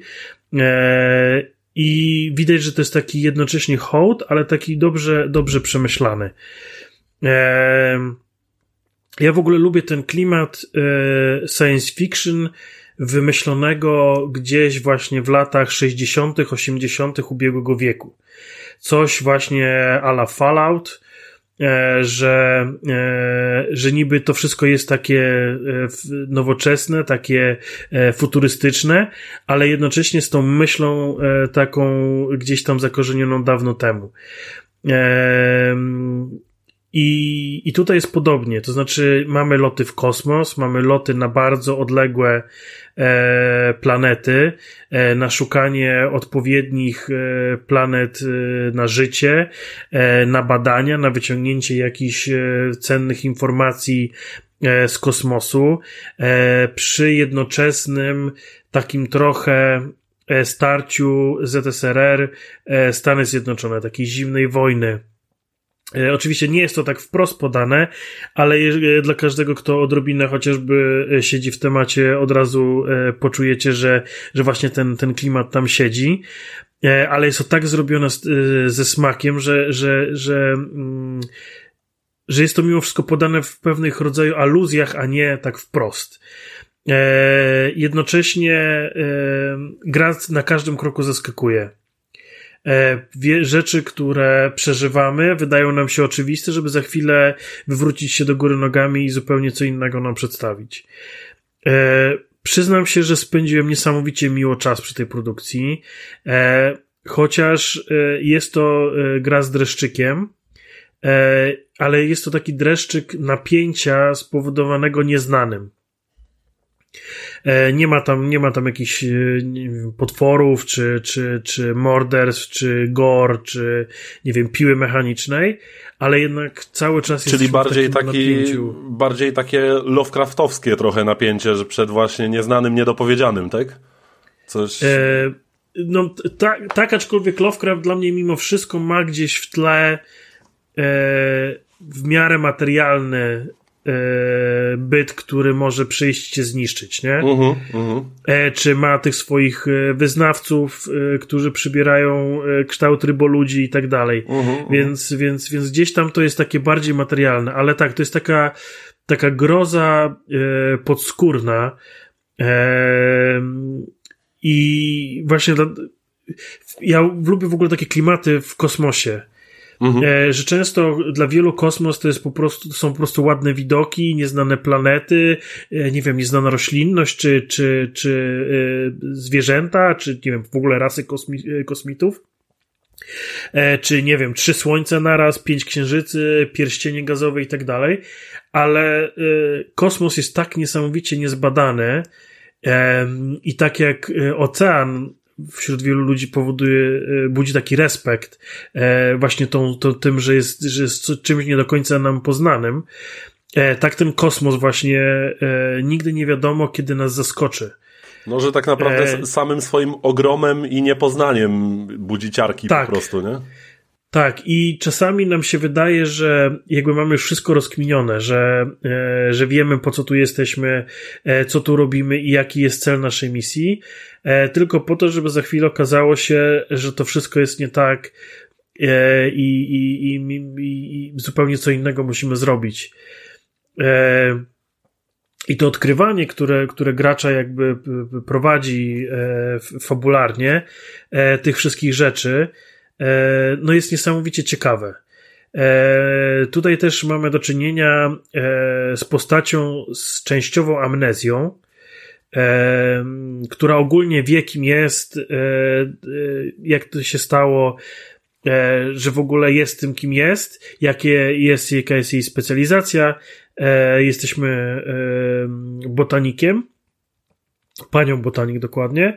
E, więc jakby dużo rzeczy wiemy, ale nie pamiętamy, jak znaleźliśmy się na powierzchni tej planety. I to Ona będzie się zagadka... nazywa Jasna chyba, z tego co tak, wiedziałem, tak? Tak, tak, tak, jasno, tak. E, I to będzie pierwsza zagadka, która zdecydowanie e, będzie tylko drobną niteczką w, w pełnej e, kuli wełny do rozplątania, więc nie, nie, nie chcę za dużo zdradzać, bo, bo warto, warto to odkryć samemu. Właśnie to jest też ciekawe, że w zależności od podjętych akcji i od tego, jak dobrze się będziemy rozglądać, ile rzeczy znajdziemy, z iloma rzeczami wejdziemy w interakcję, mamy te różne e, zakończenia. E, I, i, e, i to jest, to było dla mnie zaskakujące, bo zazwyczaj właśnie w takich tego typu produkcjach e, ktoś e, napisał nam tą historię, e, i, i ją przeżywamy, ale, ale nie mamy wyborów. A tu właśnie mimo takiej jakiejś prostoty rozgrywki, e, chociaż nie e, prostackiej, bo, bo, bo, bo to by było bardzo krzywdzące słowo, e, to, to jakby jest taka dodatkowa głębia fabularna i, i byłem właśnie nawet ciekaw po zakończeniu już e, własnej rozgrywki, e, jak to by wyglądało, gdybyśmy, gdyby to się troszkę inaczej potoczyło. E, gra też zostawia nas w takim, po, takim, myślę, że to dlatego, że właśnie jest pewnego rodzaju prequelem do książki, w takim, w takim właśnie zawieszeniu. Jest takie mocno, mocno otwarte to zakończenie E, i, i bardzo mi się podobało, bardzo warto po prostu przeżyć. E, ja spędziłem chyba 8 e, czy 9 godzin z, tym, z tym tytułem i, i tak w miarę dosyć mocno liżąc ścianę. Więc myślę, że, że gdzieś tam e, ci, ci mniej e, chętni na, na, na zwiedzanie to, to, to 6 godzin, a ci jeszcze dokładniejsi to pewnie 10-12. Więc jest to taki naprawdę fajny tytuł, e, żeby przeżyć coś innego. Ja jestem bardzo szczęśliwy, że miałem okazję zagrać w, te, w tę produkcję e, i moje jakby życzenia co do niej spełniła w 120%. A y, powiedz mi, bo gdzieś się natknąłem na, yy, znaczy nie tyle, nie tyle wadę, co wręcz może i zaletę tej gry, yy, bo to oczywiście jest wiadomo na, na podstawie prozy Stanisława Lema. O tyle słyszałem, że jakby bez, nie wiem czy czytałeś w ogóle oryginał tej książki. Czytałem, czytałem. Znaczy właściwie to, to nie jest tyle oryginał, co, No, co, co jakby zalążek pomysłu na tę grę. No, no właśnie, bo z tego co gdzieś tam usłyszałem, chyba u Kłaza bodajże, y, że to nie jest bezpośrednia adaptacja, tylko, znaczy inaczej, że to nie jest egranizacja, tylko bardziej adaptacja po prostu tej historii. Znaczy, no, to, tak naprawdę, no to myślę, że prequel to jest dobrą nazwą. Okej. E, bo, e, bo to, co się dzieje w książce, opisuje już jakby wydarzenia bezpośrednio po finale e, gry. Okej, okej, czaję, czaję, czaję, czaję. Spoko, Więc a, jest, to, a powiedz bo mi... adaptacja to wydaje mi się, że, że, że bardziej by jakby po prostu w tym świecie albo coś, a tutaj jednak e, dużo elementów jest wspólnych, Mhm. e, tylko nie jest to po prostu jeden do jednego przeniesiona książka do gry. Mhm, tak jakaś równoległa historia, powiedzmy, coś, coś, coś takiego. Albo nie, albo właśnie prequel, tak jak powiedziałeś. Ale y, powiedz mi, miałeś dużo błędów? Bo, bo słyszałem, że... Żadnych. A no właśnie, bo w kilku recenzjach słyszałem, że dość dużo takich dziwnych, jakichś niedoróbek technicznych było, typu gdzieś tam blokująca się postać, jakieś, y, jakieś dziwne problemy z save'ami, to co, ty nie miałeś Nic. tego problemu. Nic, nic, od początku do końca nawet pół, pół problemu technicznego nie zarejestrowałem. No okej. Ale może, może na innych sprzętach, bo Tomek grał na kompie. A może, wiesz. może, tak. I jeszcze, jeszcze musisz brać pod uwagę, że on ma osobistego laptopa. Więc A, to tu może, jest- może tego Bardzo kwestia, osobistego. że jest tak bardzo osobisty, że po prostu szanują się nawzajem i, i nie ma błędów dzięki temu. Dokładnie. No. Tak.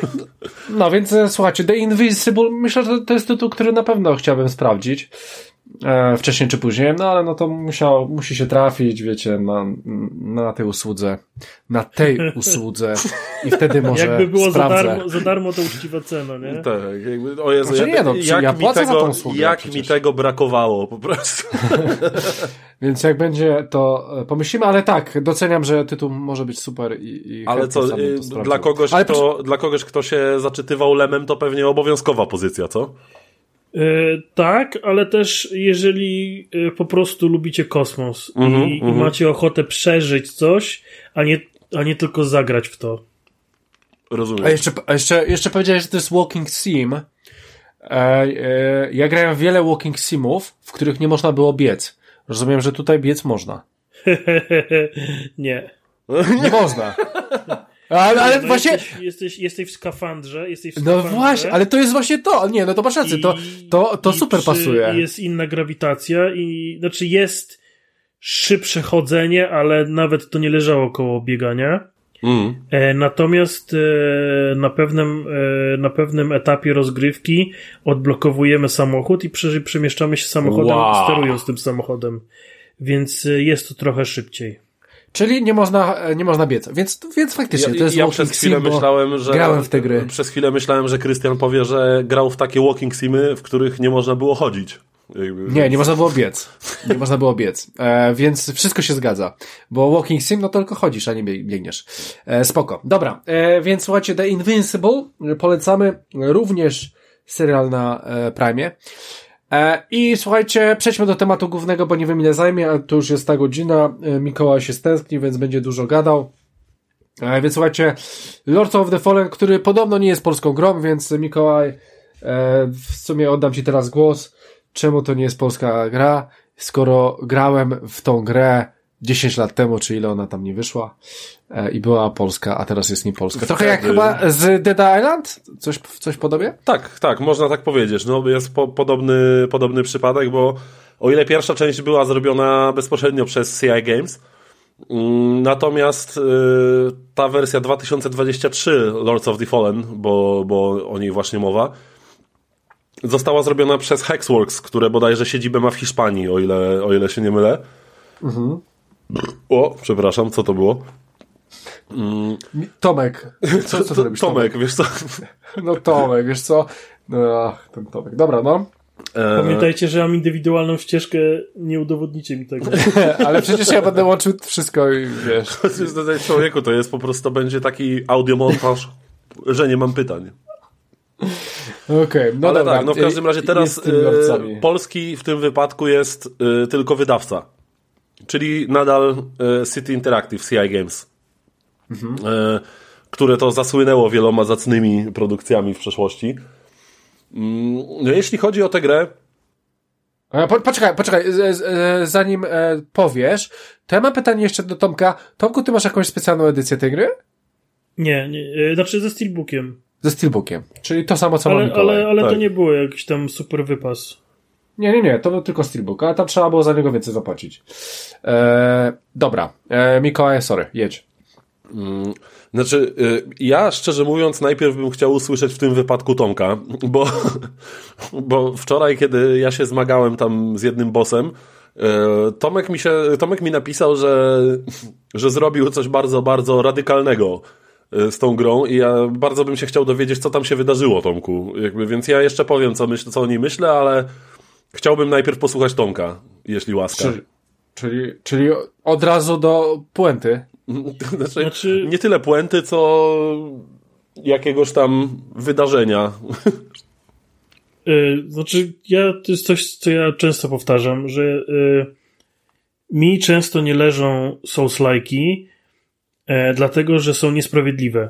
Ale to, ja zauważyłem Tomku, że tobie częściej nie leżą niż leżą. To prawda. Znaczy, Souls-like'i generalnie, Souls-like'i mi prawie nigdy nie leżą. O ile nie, nie są FromSoftowe, tak? Jeżeli są Soulsami, czyli grami generalnie od FromSoftu, wszystko mi wchodzi. Natomiast Souls-like'i, czyli gry, które e, próbują jakby zaadaptować te e, mechaniki, ten, ten, ten pomysł na siebie, no to różnie. Mhm. E, chlubnym wyjątkiem jest The Surge, Okej. e, które mi się bardzo podobało. Ale ma, masz na myśli e- jedynkę czy dwójkę? jedynkę. Dwójka była ok, ale, ale jej nie skończyłem. Coś tam mnie rozproszyło i już nie wróciłem. A to A ciekawe, bo, całą. bo ktoś z moich znajomych generalnie psioczył strasznie na The Search i w końcu tego dlatego nie ograłem, a może warto jednak.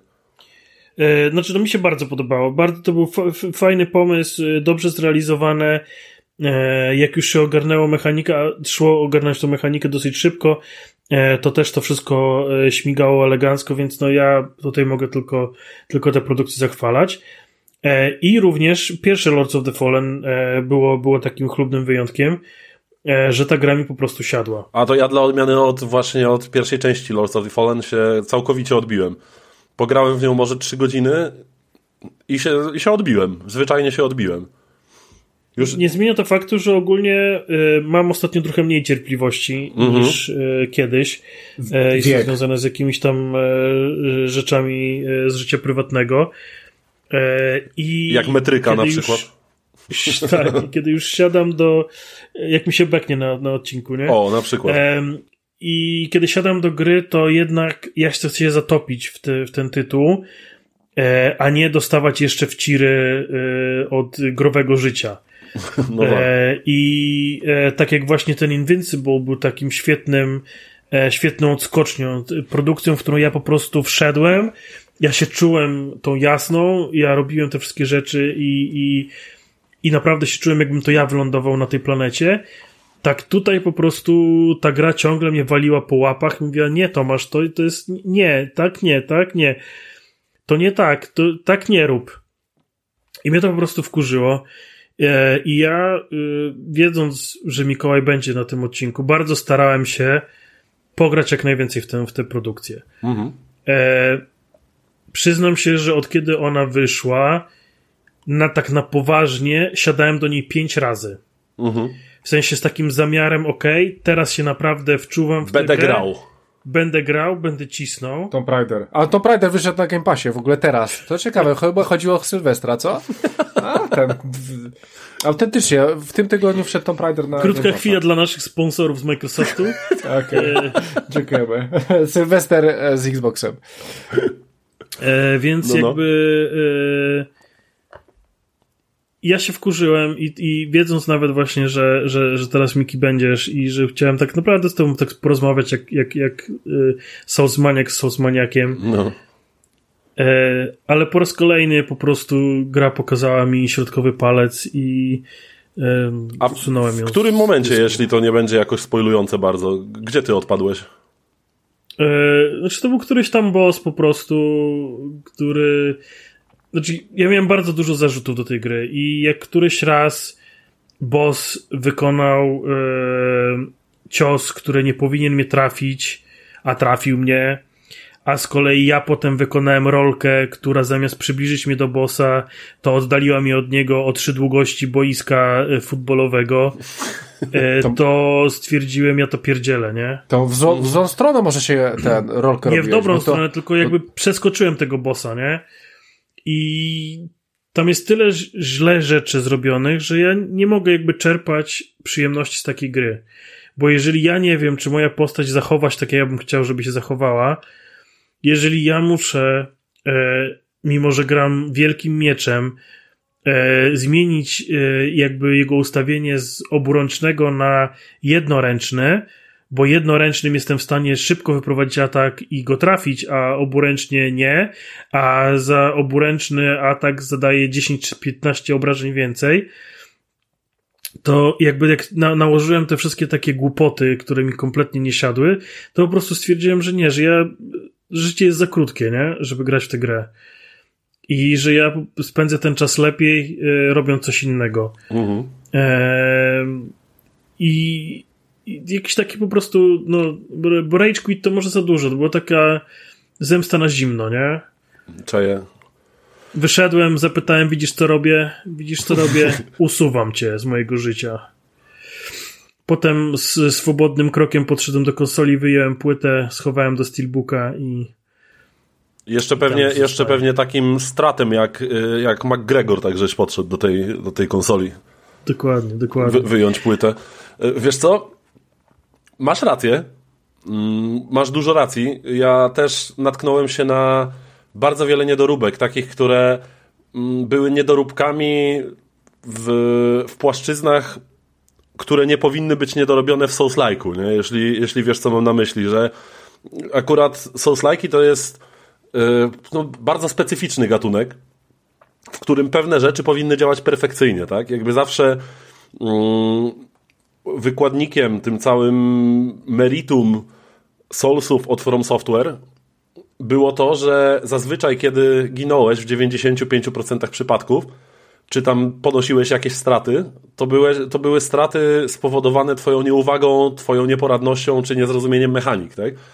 Na, natomiast owszem, tutaj zdarzają się rzeczy, kiedy nie do końca inaczej, może nie tyle, że byłem pewien, że to gra mi zrobiła na złość, co wydawało mi się, że ja zrobiłem wszystko jak należy, a mimo wszystko nie był efekt, efekt nie był taki, jakiego oczekiwałem.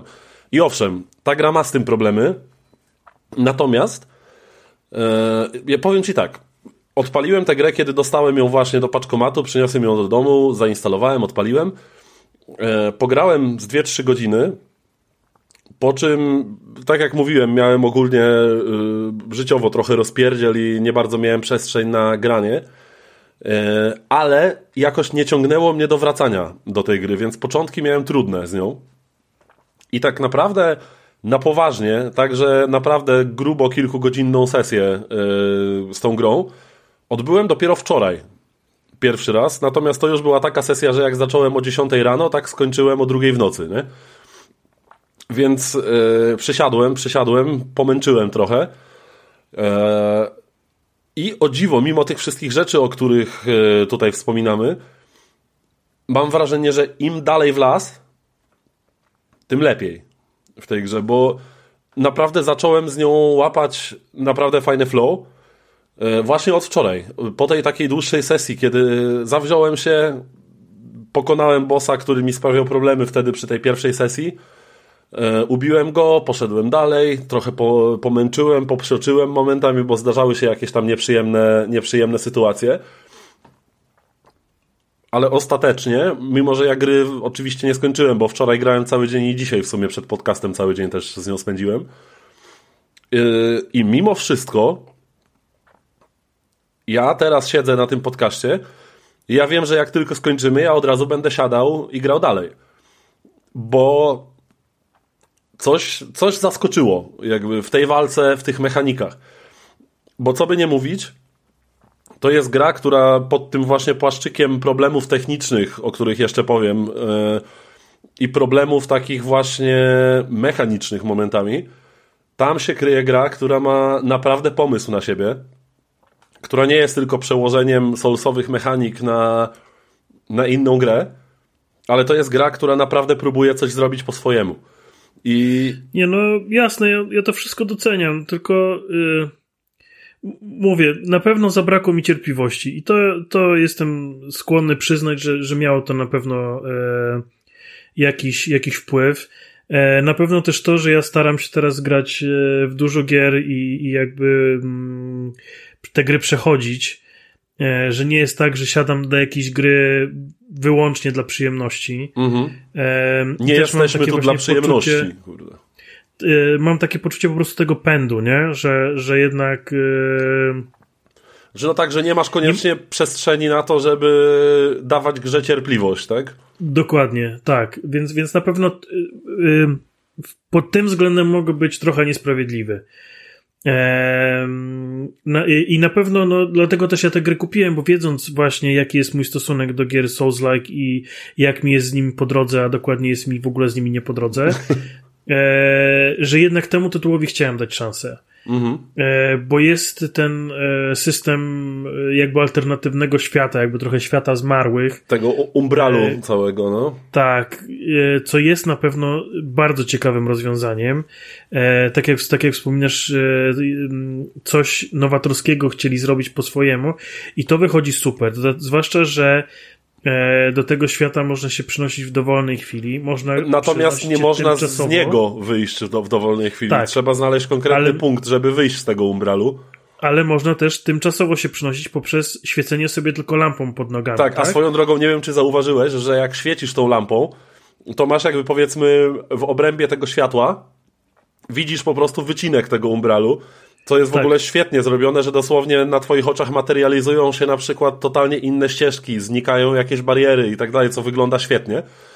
Ale nie wiem, czy zauważyłeś, że w tym umbralu tam są te takie zabłąkane dusze, z którymi walczysz, które ci się cały czas tam prawie materializują. No, no. E, I nie wiem, czy zwróciłeś uwagę, że, jed, że jak e, poświecisz latarnią na któregoś z tych przeciwników, którzy są właśnie za tą zasłoną, za- w tym świecie zmarłych, i poświecisz na niego, to jeśli on zdąży cię uderzyć, to on jest w stanie złapać cię i wciągnąć do tego umbralu, mimo, umbralu, mimo że nie zginąłeś. E, To nie, to nie zwróciłem No uwagi. właśnie, to, to jest kolejna śmieszna opcja, że ja sobie chodzę z tą latarnią, szukam sobie jakiejś ścieżki, bo utknąłem trochę i właśnie zacząłem się zastanawiać, czy może w tym umbralu nie znajdę jakiejś e, dodatkowej ścieżki, nie, nie zmaterializuje mi się jakiś pomościk czy coś. Świecę i tu nagle ząg po lewej ode mnie, czaił się jakiś skurczybyk i on mnie złapał za łapę i wciągnął do tego umbralu po prostu, z nienacka, tak? Mimo, że nie zginąłem, nie przeniosłem się tam sam, jeden z tych przeciwników po prostu mnie pochwycił i przeniósł mnie tam, siłą. E, No to jest, to jest ciekawe. to tak, jest i, ciekawe i właśnie dzięki temu, dzięki temu umbralowi w ogóle, y, co ciekawe, to jest Souls-like, którego najmocniejszą stroną wcale nie jest walka. Bo dla mnie najmocniejszą stroną tej gry jest eksploracja. No właśnie do tego chciałem, do tego chciałem zmierzyć, że, No. E, że właśnie e, to, była, to była druga rzecz, która mnie przekonała e, w, jakby w materiałach przedpremierowych, że to ma być gra nastawiona na eksplorację, czyli coś, co ja ogólnie lubię robić w grach.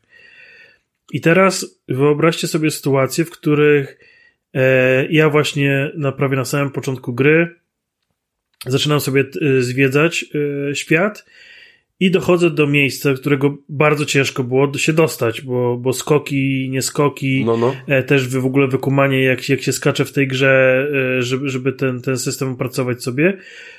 E, dochodzę do pewnego momentu, z którego nie mam powrotu. Bo żeby pójść dalej, potrzebuję klucza, którego nie mam. A ja chyba wiem, o której ty lokacji mówisz. Co trze- Eee. trzeba było po takich platformach zwieszających się z muru Tak. skakać, tak? Tak. I, I dupa. I masz ileś tam dusz. E, spędziłeś e, chyba z- z dwie godziny, żeby się tam dostać. I jedyną opcją jest albo popełnienie samobójstwa, albo użycie przedmiotu, który generalnie jest tym samym co samobójstwo, czyli. E, Przenosi cię do ostatnich szczątek, no. Tak. I, i, I nie ma jakby na to innej rady.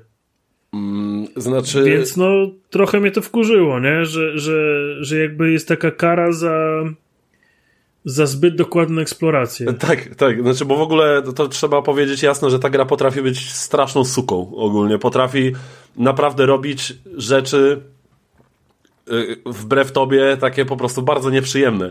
Gdzie y, chociażby taki mój przykład, gdzie y, zebrałem dość sporo duszyczek już, spotkałem po drodze handlarza, więc stwierdziłem, że jak jest handlarz, to gdzieś tutaj zaraz niebawem musi być y, to takie tutejsze ognisko, czyli szczątki jakichś pradawnych bohaterów z tego, z tego świata.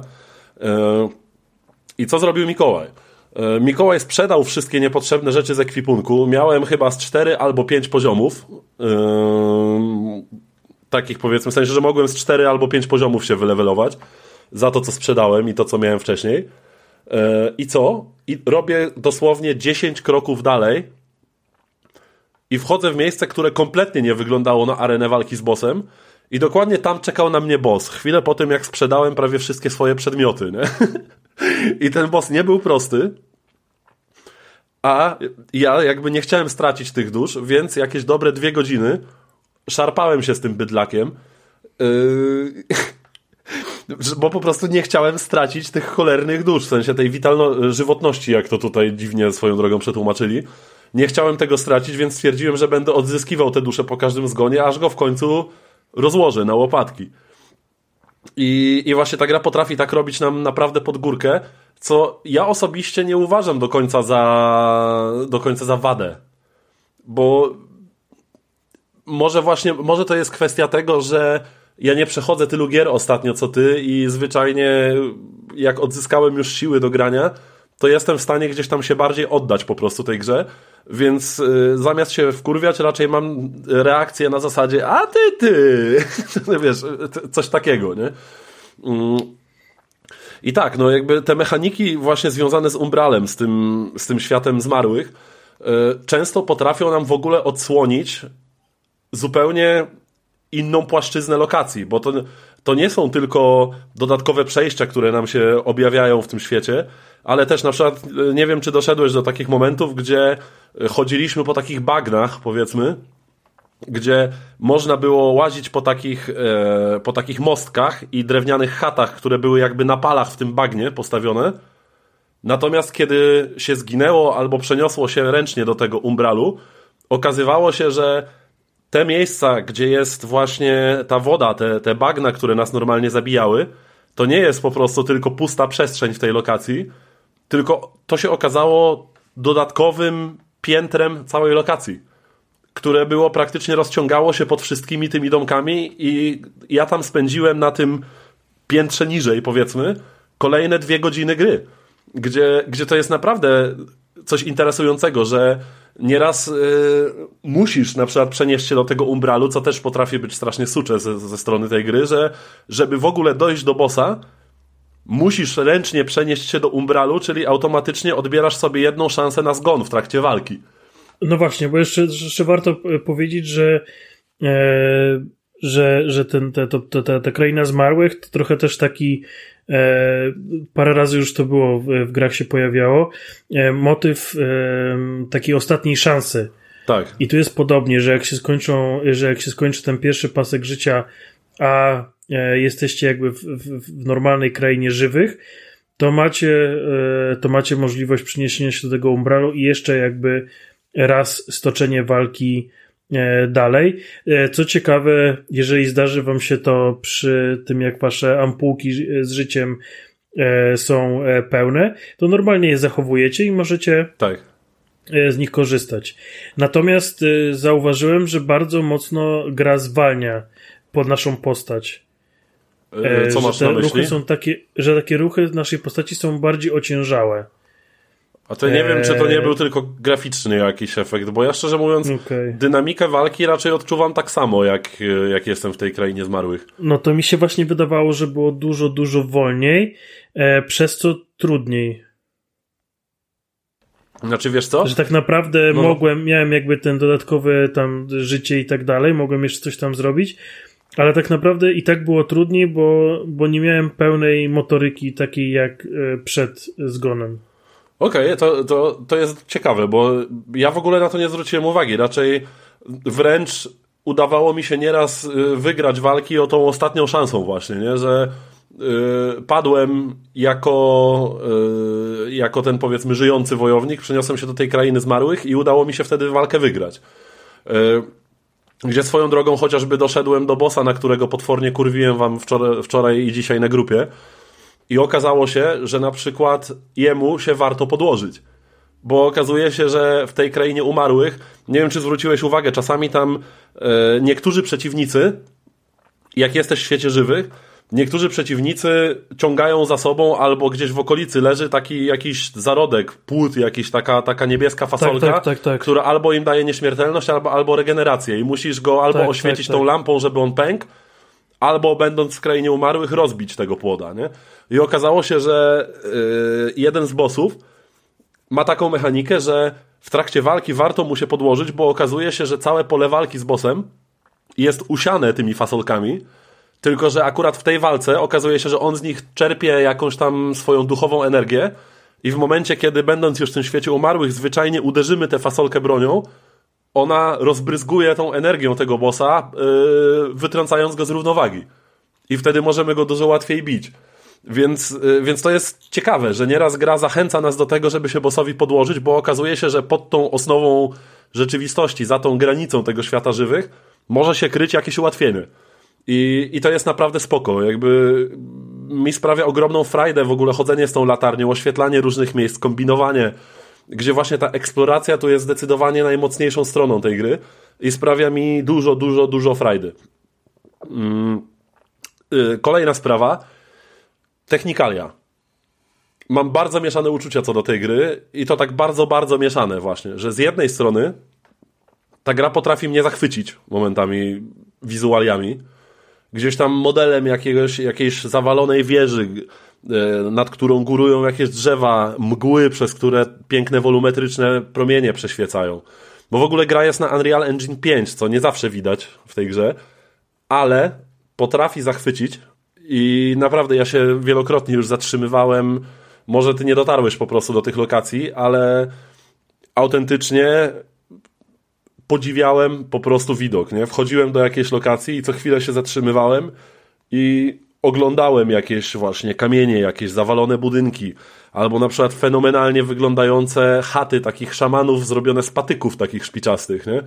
Które wyglądały... Znaczy nie, no ja tej grze nie odbieram jakby wizualnych aspektów, tylko no dla mnie jakby Mhm. e, to w, jak, w jaki sposób jest mechanicznie skonstruowana, no przekreśliło ten Mhm. e, dalszą chęć rozgrywki. Tak, tak, rozumiem że, rozumiem, że może tak być, szczególnie jeśli ktoś akurat w danym momencie ma takie podejście jak ty, że nie chce tracić za bardzo czasu, a niestety ta gra ma tendencję do nieszanowania czasu gracza. To jest, to jest to, co powiedziałeś właśnie z tą lokacją, z tym skakaniem po platformach, że docierasz do momentu, w którym nie możesz dalej iść i nie możesz się cofnąć, bo platforma, któr- z której przyszedłeś, jest za wysoko, żeby na nią z powrotem wskoczyć, nie? Dokładnie. Tak, tak. Jak najbardziej. To, to trzeba zaznaczyć. Natomiast tak, właśnie same technikalia, jakby sam urok tej gry, udźwiękowienie, zaprojektowanie lokacji niektórych przeciwników, to tu jest naprawdę dużo, dużo napracowania i dużo dobra. Tu bardzo zdolni artyści pracowali przy tej grze. E, za to kurczę, no nie mogę dobrego słowa powiedzieć o stricte technicznej warstwie tej gry, bo zacząłem grać w 60 klatkach w trybie wydajności. No i kurczę, momentami to jest absolutna tragedia to, co tam się dzieje. Tu już nie pomaga ani VRR, ani żadne cuda, bo z 60 klatek gra potrafi polecieć, mam wrażenie, do poniżej 30 y, w, w niektórych miejscach. Nie, też nie wiem, czy się natknąłeś już na te miejsca, ale no ja kilka razy zginąłem w walkach w tych miejscach przez to, że nagle mi po prostu leciały klatki na łeb na szyję i responsywność postaci się całkowicie zmieniała, co jest absolutnie karygodne. Mm, oni co prawda łatają tę grę, tam już od kiedy ja ją odłożyłem ten miesiąc temu, to chyba z trzy duże łatki wyszły do tej gry. E, ale nadal są poważne problemy z trybem wydajności szczególnie, do tego stopnia, że przerzuciłem się na tryb jakości. E, gra wtedy wygląda lepiej, w sensie jest ostrzejsza, przede wszystkim w rozdzielczości jest, e, jest różnica. Ale powiedzmy, że ten, te, gubio, te zgubione klatki, typu właśnie kiedy gra poleci nam, nie wiem, z 30 do 26, to nie jest to aż tak bolesne, kiedy poleci nam z 60 nagle do 35. Rozumiesz o co chodzi? Nie, gdzie, oczywiście. Gdzie tak. to nie powinno mieć w ogóle miejsca. Natomiast na początku strasznie cierpiałem w tych 30 klatkach, ale z, jeśli mamy telewizor 120 Hz właśnie z VRR, to ten VRR jest w stanie nam naprawdę sporo skompensować tych spadków. I przyzwyczaiłem się i, i teraz naprawdę dobrze gra mi się w tych 30 klatkach. Gra wygląda świetnie i znaczy jest nierówna, bo też z jednej strony potrafię momentami zobaczyć tekstury rodem ze Switcha i dosłownie 10 kroków dalej mam widok, który zapiera mi dech w piersiach, tak? I nawet nie mówię o dalekich jakichś widokach, tylko o takim głupim wymodelowaniu właśnie, tak jak te chaty z patyków, które mają tak niesamowitą głębię, że się naprawdę wydają trójwymiarowe, że każdy ten patyczek jest dobrze wymodelowany i w takich chwilach widać ten Unreal Engine 5, tak? Ale jednak no poważne problemy z wydajnością w, w grze w 2023 roku, no z jednej strony powinniśmy już chyba do tego przywyknąć, a z drugiej strony to, to jest kary, karygodne, że wysokobudżetowa gra ma, ma takie problemy. Eee, ogólnie jeśli chodzi o system walki, bardzo sobie cenię niektóre mechaniki, jak na przykład e, to, jak zostało rozwiązane miotanie różnymi przedmiotami albo strzelanie z kuszy. Że nie mamy jako takiej amunicji, którą musimy sobie uzupełniać, w sensie, że mamy na przykład 85 strzał, tylko mamy jeden pasek z tych takich szarych klocuszków złożony pod, pod paskiem wytrzymałości, nie wiem czy pamiętasz. Tak, tak, tak. E, który z którego po prostu dana broń, typu na przykład oszczep, nóż do rzucania, kusza, zużywają nam różne ilości tego paska i my sobie uzupełniamy, yy, możemy sobie uzupełniać te amunicje torbami z amunicją, które działają na zasadzie naszych estusów, nie? tych przedmiotów leczących. Mm. Co, co jest bardzo fajne, bo trzeba fajnie dysponować amunicją, nie trzeba zawsze pamiętać o tym, żeby kupić znaczy, sobie. chyba tam nie ma takich jak estusy do amunicji, że to są zawsze jednorazowe. Znaczy, ta, tak, znaczy chodzi mi o te, te... przedmiot po prostu jednorazowego A, okay, użytku. Może źle jakby w błąd trochę wprowadziłem, no ale chodzi mi o to, że jest też po prostu pod dipadem wybieramy sobie y, torbę z amunicją, wciskamy kwadrat i postać nam uzupełnia wtedy ten pasek właśnie amunicji, tak? I, i to jest ciekawa rzecz, jakby, bo z jednej strony możemy się wspomagać bronią dystansową, a z drugiej strony nie scizujemy dużo mocniejszego przeciwnika, bo mamy na przykład 999 strzał i z bezpiecznej odległości będziemy go skrobać jak skrobaczką do ziemniaków, nie? Tylko po prostu mamy konkretny pasek, który nam ucieka, jak używamy oszczepów czy czegoś takiego. Możemy to uzupełnić, ale to są przedmioty, które też kosztują, tak? Czyli pomiędzy handlarzem albo ogniskiem y, a tym danym przeciwnikiem nie mamy szansy uzupełnić sobie tych strzał albo nagromadzić ich nie wiadomo ile. Więc, więc to jest fajne.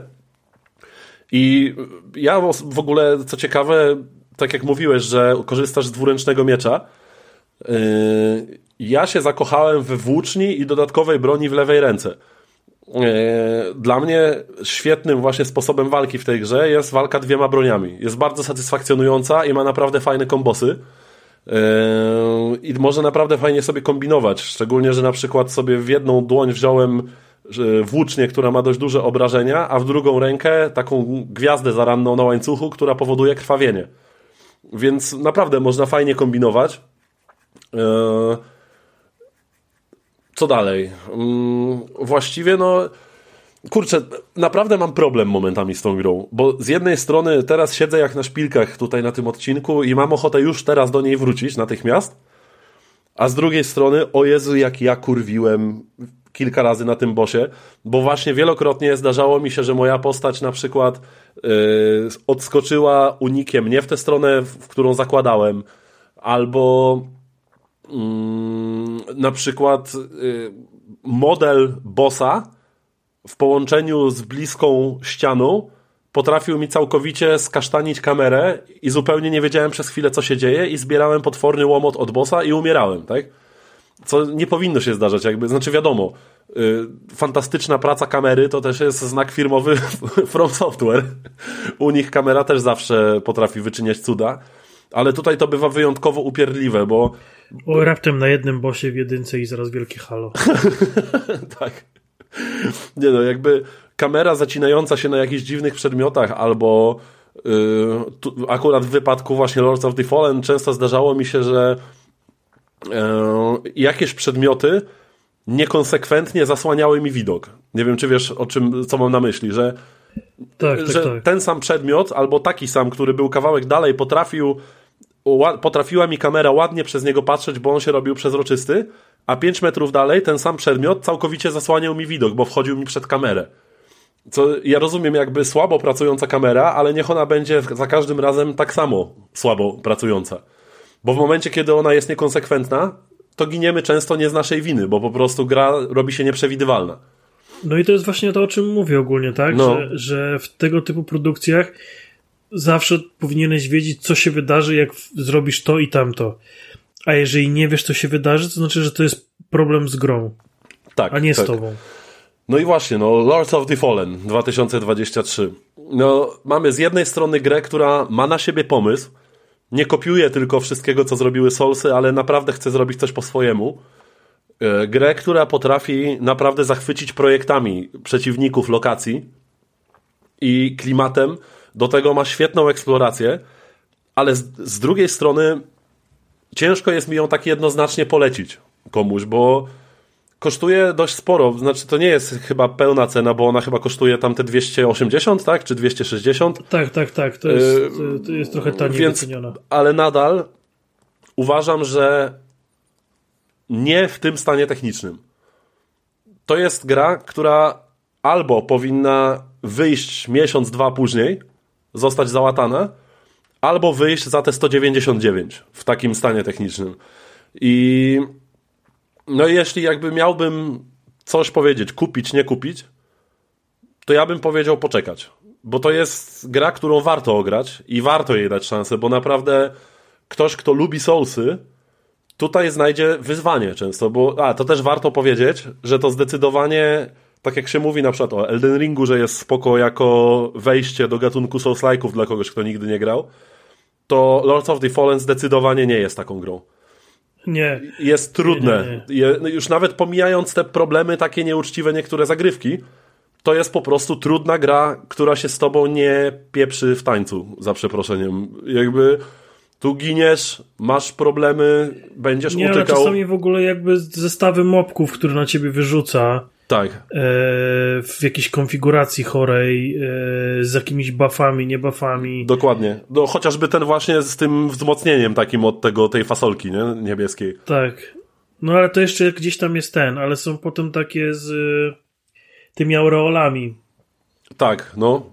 Co tym świętym blaskiem cię atakują chyba, Tak, nie? tak, tak, tak. No kurde spawnują e, swoje klony, które tam jeszcze cię napierdzielają. No, takie rzeczy dzieją, że to zdecydowanie nie jest gra dla Tak, a, a, a, po czym na przykład jakimś cudem udało ci się yy, przeżyć jakieś starcie, po czym widzisz błyszczący przedmiot po walce leżący na ziemi, nie wiem czy spotkałeś to gówno, które próbujesz podnieść przedmiot i z tego przedmiotu wyskakuje z umbralu taka dziwna, ważkopodobna istota ze szczękami, gryzie cię w łeb i wciąga do umbralu. Które, Miałem gdzie, przyjemność. No właśnie. Więc absolutnie nie polecałbym tego komuś, kto chce wejść w gatunek Souls-like'ów, bo to jest trudna gra. Potrafi być naprawdę żmudna yy, i właśnie tak jak powiedziałeś, potrafi rzucać w ciebie takie konfiguracje przeciwników, które nawet staremu wyjadaczowi napsują krwi. E, ale z drugiej strony właśnie weterani, jak przymkną oko na te problemy momentami, mają trochę więcej czasu, a przede wszystkim trochę więcej cierpliwości, to dla weteranów to może być naprawdę ciekawa propozycja. Jeśli brakuje wam akurat Souls-like'a, e, jesteście wypuszczeni na przykład przed dodatkiem do Elden Ringa albo y, ogólnie po prostu brakuje wam ciekawego Souls-like'a, warto dać szansę. Szczególnie jeśli albo gra stanieje, albo ją trochę po prostu połatają, troszkę ją poskładają do kupy, bo mówię, no ja teraz siedzę, rozmawiam z wami i myślę o tym, że po prostu jak tylko skończymy, od razu idę grać w Lords of the Fallen, nie? Mimo... No widzisz, a zupełnie szczerze ja mógłbym powiedzieć, że na te wszystkie rzeczy, które wymieniłeś, jeżeli tak macie, to y, kupcie sobie Game Passa i zagrajcie w Lies of P na Xboxie. No tak. Tak, tak, tak. Bo ta gra jest y, dużo lepiej zrobiona. Mhm, mhm. I też jest, też ma ciekawy setting. y, I, i Chyba, ma ciekawą fabułę. chyba właśnie fabułę ma dość dobrą, nie? Z tego, co, z tego, co widziałem. E, a jednak e, jest zdecydowanie bardziej e, przyjazna dla gracza. Tak, ale mimo wszystko, mimo wszystko, mimo tych problemów, jednak dałbym Lords of the Fallen szansę, nawet jak nie teraz, to za jakiś czas. Albo jak załatają, albo jak gra trochę stanieje. Może, może wyrwiecie, nie wiem, za, nawet za te 150, 180 według mnie w zupełności można tę grę kupić. Ale, ale nie w tym stanie technicznym yy, i nie z tymi problemami, które aktualnie gra ma. Nie, ja jeszcze gdzieś przeczytałem e, coś takiego, że bardzo często pojawiają się mini-bossowie. E, Tak, I to no, troszeczkę zwiększa też ten poziom trudności, a mogłoby po prostu tego nie być, bo, bo na chuj. Znaczy ja osobiście lubię minibossów. Jakby nawet jeśli właśnie to jest ten taki recykling, No i tych. No, ch- chcę, chcę jeszcze dodać, że tych checkpointów też chyba jest zdecydowanie mniej niż na przykład w Elden Ringu, tak? Znaczy te checkpointy... A, właśnie. Znaczy, te, tak, b- brakuje mi ognisk po bossach, czy tam, no, tam, to jest co prawda co innego, no ale generalnie jakby mechanika działania ta sama, czyli takiego właśnie checkpointu po pokonaniu bossa. Tak, tutaj, ale, tutaj e, często niestety. Checkpointy sam sobie możesz sam zasadzić. Dokładnie, Jest dokładnie. taki surowiec w grze i, i są odpowiednio do tego miejsca i możesz sobie dorabiać checkpointy. Tak, czyli powiedzmy. y, Tam musisz mieć te kwiaty umbralu takie. To- jest Tak. też fajnie, że nie masz znacznika, że tu postaw checkpoint, tylko musisz wypatrzeć, że tu akurat rosną te kwiatki, że to jest przebicie z tej krainy zmarłych. I, i w tych, wśród tych kwiatków możesz posadzić sobie jakby swoje ognisko, zasadzić, nie? Yy, I ja nie mam na przykład problemu z dostępnością tych yy, sadzonek umbralu, yy, ale staram się je oszczędzać, może to dlatego, bo gdybym sa- sadzał to, to przysłowiowe ognisko za każdym razem, kiedy miałem ku temu możliwość, to mógłbym się na tym przejechać. Bo, bo często jest tak, że ta gra właśnie też znowu potrafi cię tak, tak drapać w tył głowy, nie? że mm, widzisz te kwiatki po jakiejś ciężkiej walce, stawiasz sobie tę sadzonkę, po czym okazuje się, że za rogiem jest ognisko. Albo skrót do niego. No Tak. właśnie, y, dla mnie to jest, to jest akurat z, ym, zły design, ym, bo wiedząc, że rzucasz graczom takie wyzwania, potem dajesz im chwilę oddechu, tylko po to, żeby im powiedzieć, że są frajerami, bo powinni przewidzieć, że za rogiem jest, y, jest faktycznie checkpoint. To, to już jest dla mnie trochę przesada. Tak, nie? tak, tak. Jak najbardziej. Ja, ja rozumiem absolutnie to, że to może być przesada. Natomiast z tego, co zauważyłem, jak pograłem dłużej, to ta gra cię trochę tego uczy. Trochę takiego zarządzania ryzykiem. I te właśnie błędy designerskie, jakie, błędy designu, jakie, o jakich mówisz, potencjalnie mogą się mimo wszystko przerobić, przerodzić w taką fajną metagrę.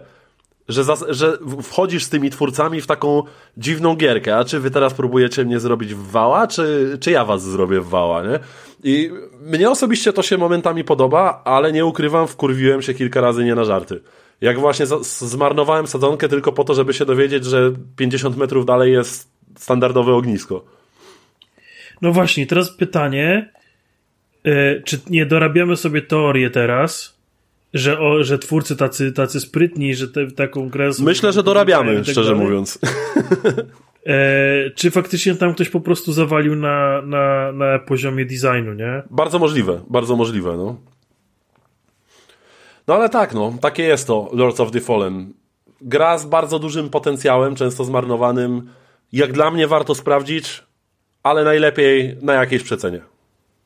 I- Jestem ciekaw właśnie, co e, nasz patron e, Michał będzie miał do, do do No właśnie, powiedzenia. właśnie, powiedz Michał, daj nam Eee, znaka. A ty, bo, bo, ty, bo ty go znasz osobiście jakoś tam bardziej, Tomek? Znaczy rozmawiamy sobie po prostu od czasu do czasu. To on, on, on taki soulsowy właśnie jest? Tak, tak, bardzo, tak. No i właśnie yy, no to Lies of P on mi zachwala cały czas. Pyta kiedy, kiedy przejdę, kiedy przejdę i yy, no i muszę właśnie się za to zabrać. A, to ty, to ty nie grałeś jeszcze w Lies of P. Nie, grałem, nie gra- grałem, yy, tylko zrobiłem przerwę na rzeczy, które trzeba było zrecenzować. Jasna sprawa. E, Tomek ma całą stronę rozpiski gier, które trzeba zrecenzować, ale on dalej gra w gry, które trzeba zrecenzować, bo przecież trzeba gry zrecenzować. E, tak, e, To, okej. Tomek, Tomek jest po prostu jak Dyson wśród gier, on wciąga te gry. E, Dokładnie, ma trzy różne końcówki. E, no. Dobra, e, słuchajcie, e, Lords of the Fallen, e, czyli tak jak słyszycie. E, ty, Tomek, jeszcze do tego wrócisz, czy już nie? Nie, ja już na pewno tej gry nie A ja, Okej. a ja kończymy i siadam, cisnę dalej. Więc Michał, jakby jeśli mógłbyś dać mi jeszcze z tydzień, wiem, że to trwa wieki, ale było jak było, ale jeśli mógłbyś mi dać jeszcze tydzień, żebym ja się z tą grą pobawił, trochę bardziej się z nią zaznajomił, e, może na jakimś tam jeszcze odcinku, może jakąś erratę do recenzji naniosę. Okej, ja w ogóle zrobię tak, że za tydzień e, wypuszczę ten odcinek, to wtedy on będzie się mógł do tego odnieść też. Nie? A Michał jest z Warszawy, czy nie? Kojarzycie? E, Nie, chyba... nie, nie, nie. bo- chyba Bo nie myślałem, że można by takie śmieszne właśnie spotkanie jak z Nikitą kiedyś zrobiłem, że mu przekazałem Steel Rising, Nie, które przeklinam po dziś dzień. Jężecice. Cice? Mierzecice. Mierzecice. Mierzecice. O, dobra. Mierze... No, nieważne. Nieważne co mierzę, nie będę nic mierzył. Dobra. Kry- Krystian e, nie umie takich długich słów wypowiadać. Nie, ale znaczy to nawet nie jest długie słowo. tylko Pod Katowicami. Takie... Okej, Więc no, y, Znajdę. masz kawałek. okej. E, Dobra, więc e, słuchajcie, będziemy kończyć e, ten 251 odcinek, który nagrywaliśmy 8 grudnia, nie powiedziałem o tym. E, Ale jeszcze usłyszymy się w tym roku, e, spokojnie. E, za tydzień wrzucę wam e, pierwszy odcinek, to będzie coś ciekawego. E, Sam jestem ciekaw. od czego to się zaczynało. Jezu, E, muszę tego posłuchać. Wie, wiem, że zerowy trwał 20 chyba 1 minut.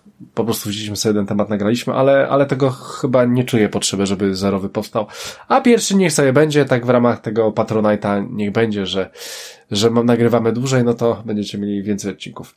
E, Standardowo wchodźcie na bezimienny.pl, tam wrzucamy odcinki YouTube, e, grupa facebookowa zamknięta, e, tam też jesteśmy. Poza tym, co jest, czy jest ciekawego? No na pewno jakiś tam Spotify jest, Twitter czy X e, też tam jesteśmy. E, Patronite, e, Patronite również możecie nam też zakupić jakiś e, napój e, do picia e, w ramach e, wydłużenia tych odcinków, e, bo to miało jakiś tam sens. O, może, I są- m- może jutro sieknę streama z Lords of the Fallen, to zobaczycie jak się cierpię. E, dokładnie. E, tak, tylko że ten odcinek chyba jutro nie będzie, e, jak coś. On się dopiero pojawi później. E, chyba w niedzielę dopiero. takie- W sensie, że to za, zaspoilerujesz, więc na razie nie. Poczekaj aż wyjdzie odcinek, nie? Może, Takie- A i wtedy, nie? Takie podróże w czasie. E, no, nie, no bo wtedy wiesz, bo w sumie nikt nie wie o czym będzie ten odcinek, a ja dam i tak pewnie tą kronikę, żeby przynajmniej domyśleli się, z kim będzie ten odcinek. E, No i w sumie chyba to jest tyle. Wszystko, wszystkie informacje są. Słyszymy się jeszcze w tym roku. Do patronów zostało wysłane to, co miało być. Więc e, w sumie wszystko jest ok. Więc Mikołaj, fajnie było wrócić. Oj jak, oj jak fajnie. Krystian, nawet sobie nie wyobrażasz. Bardzo dobrze. E, Bardzo dobrze, więc e, z nami dzisiaj nagrywał Mikołaj.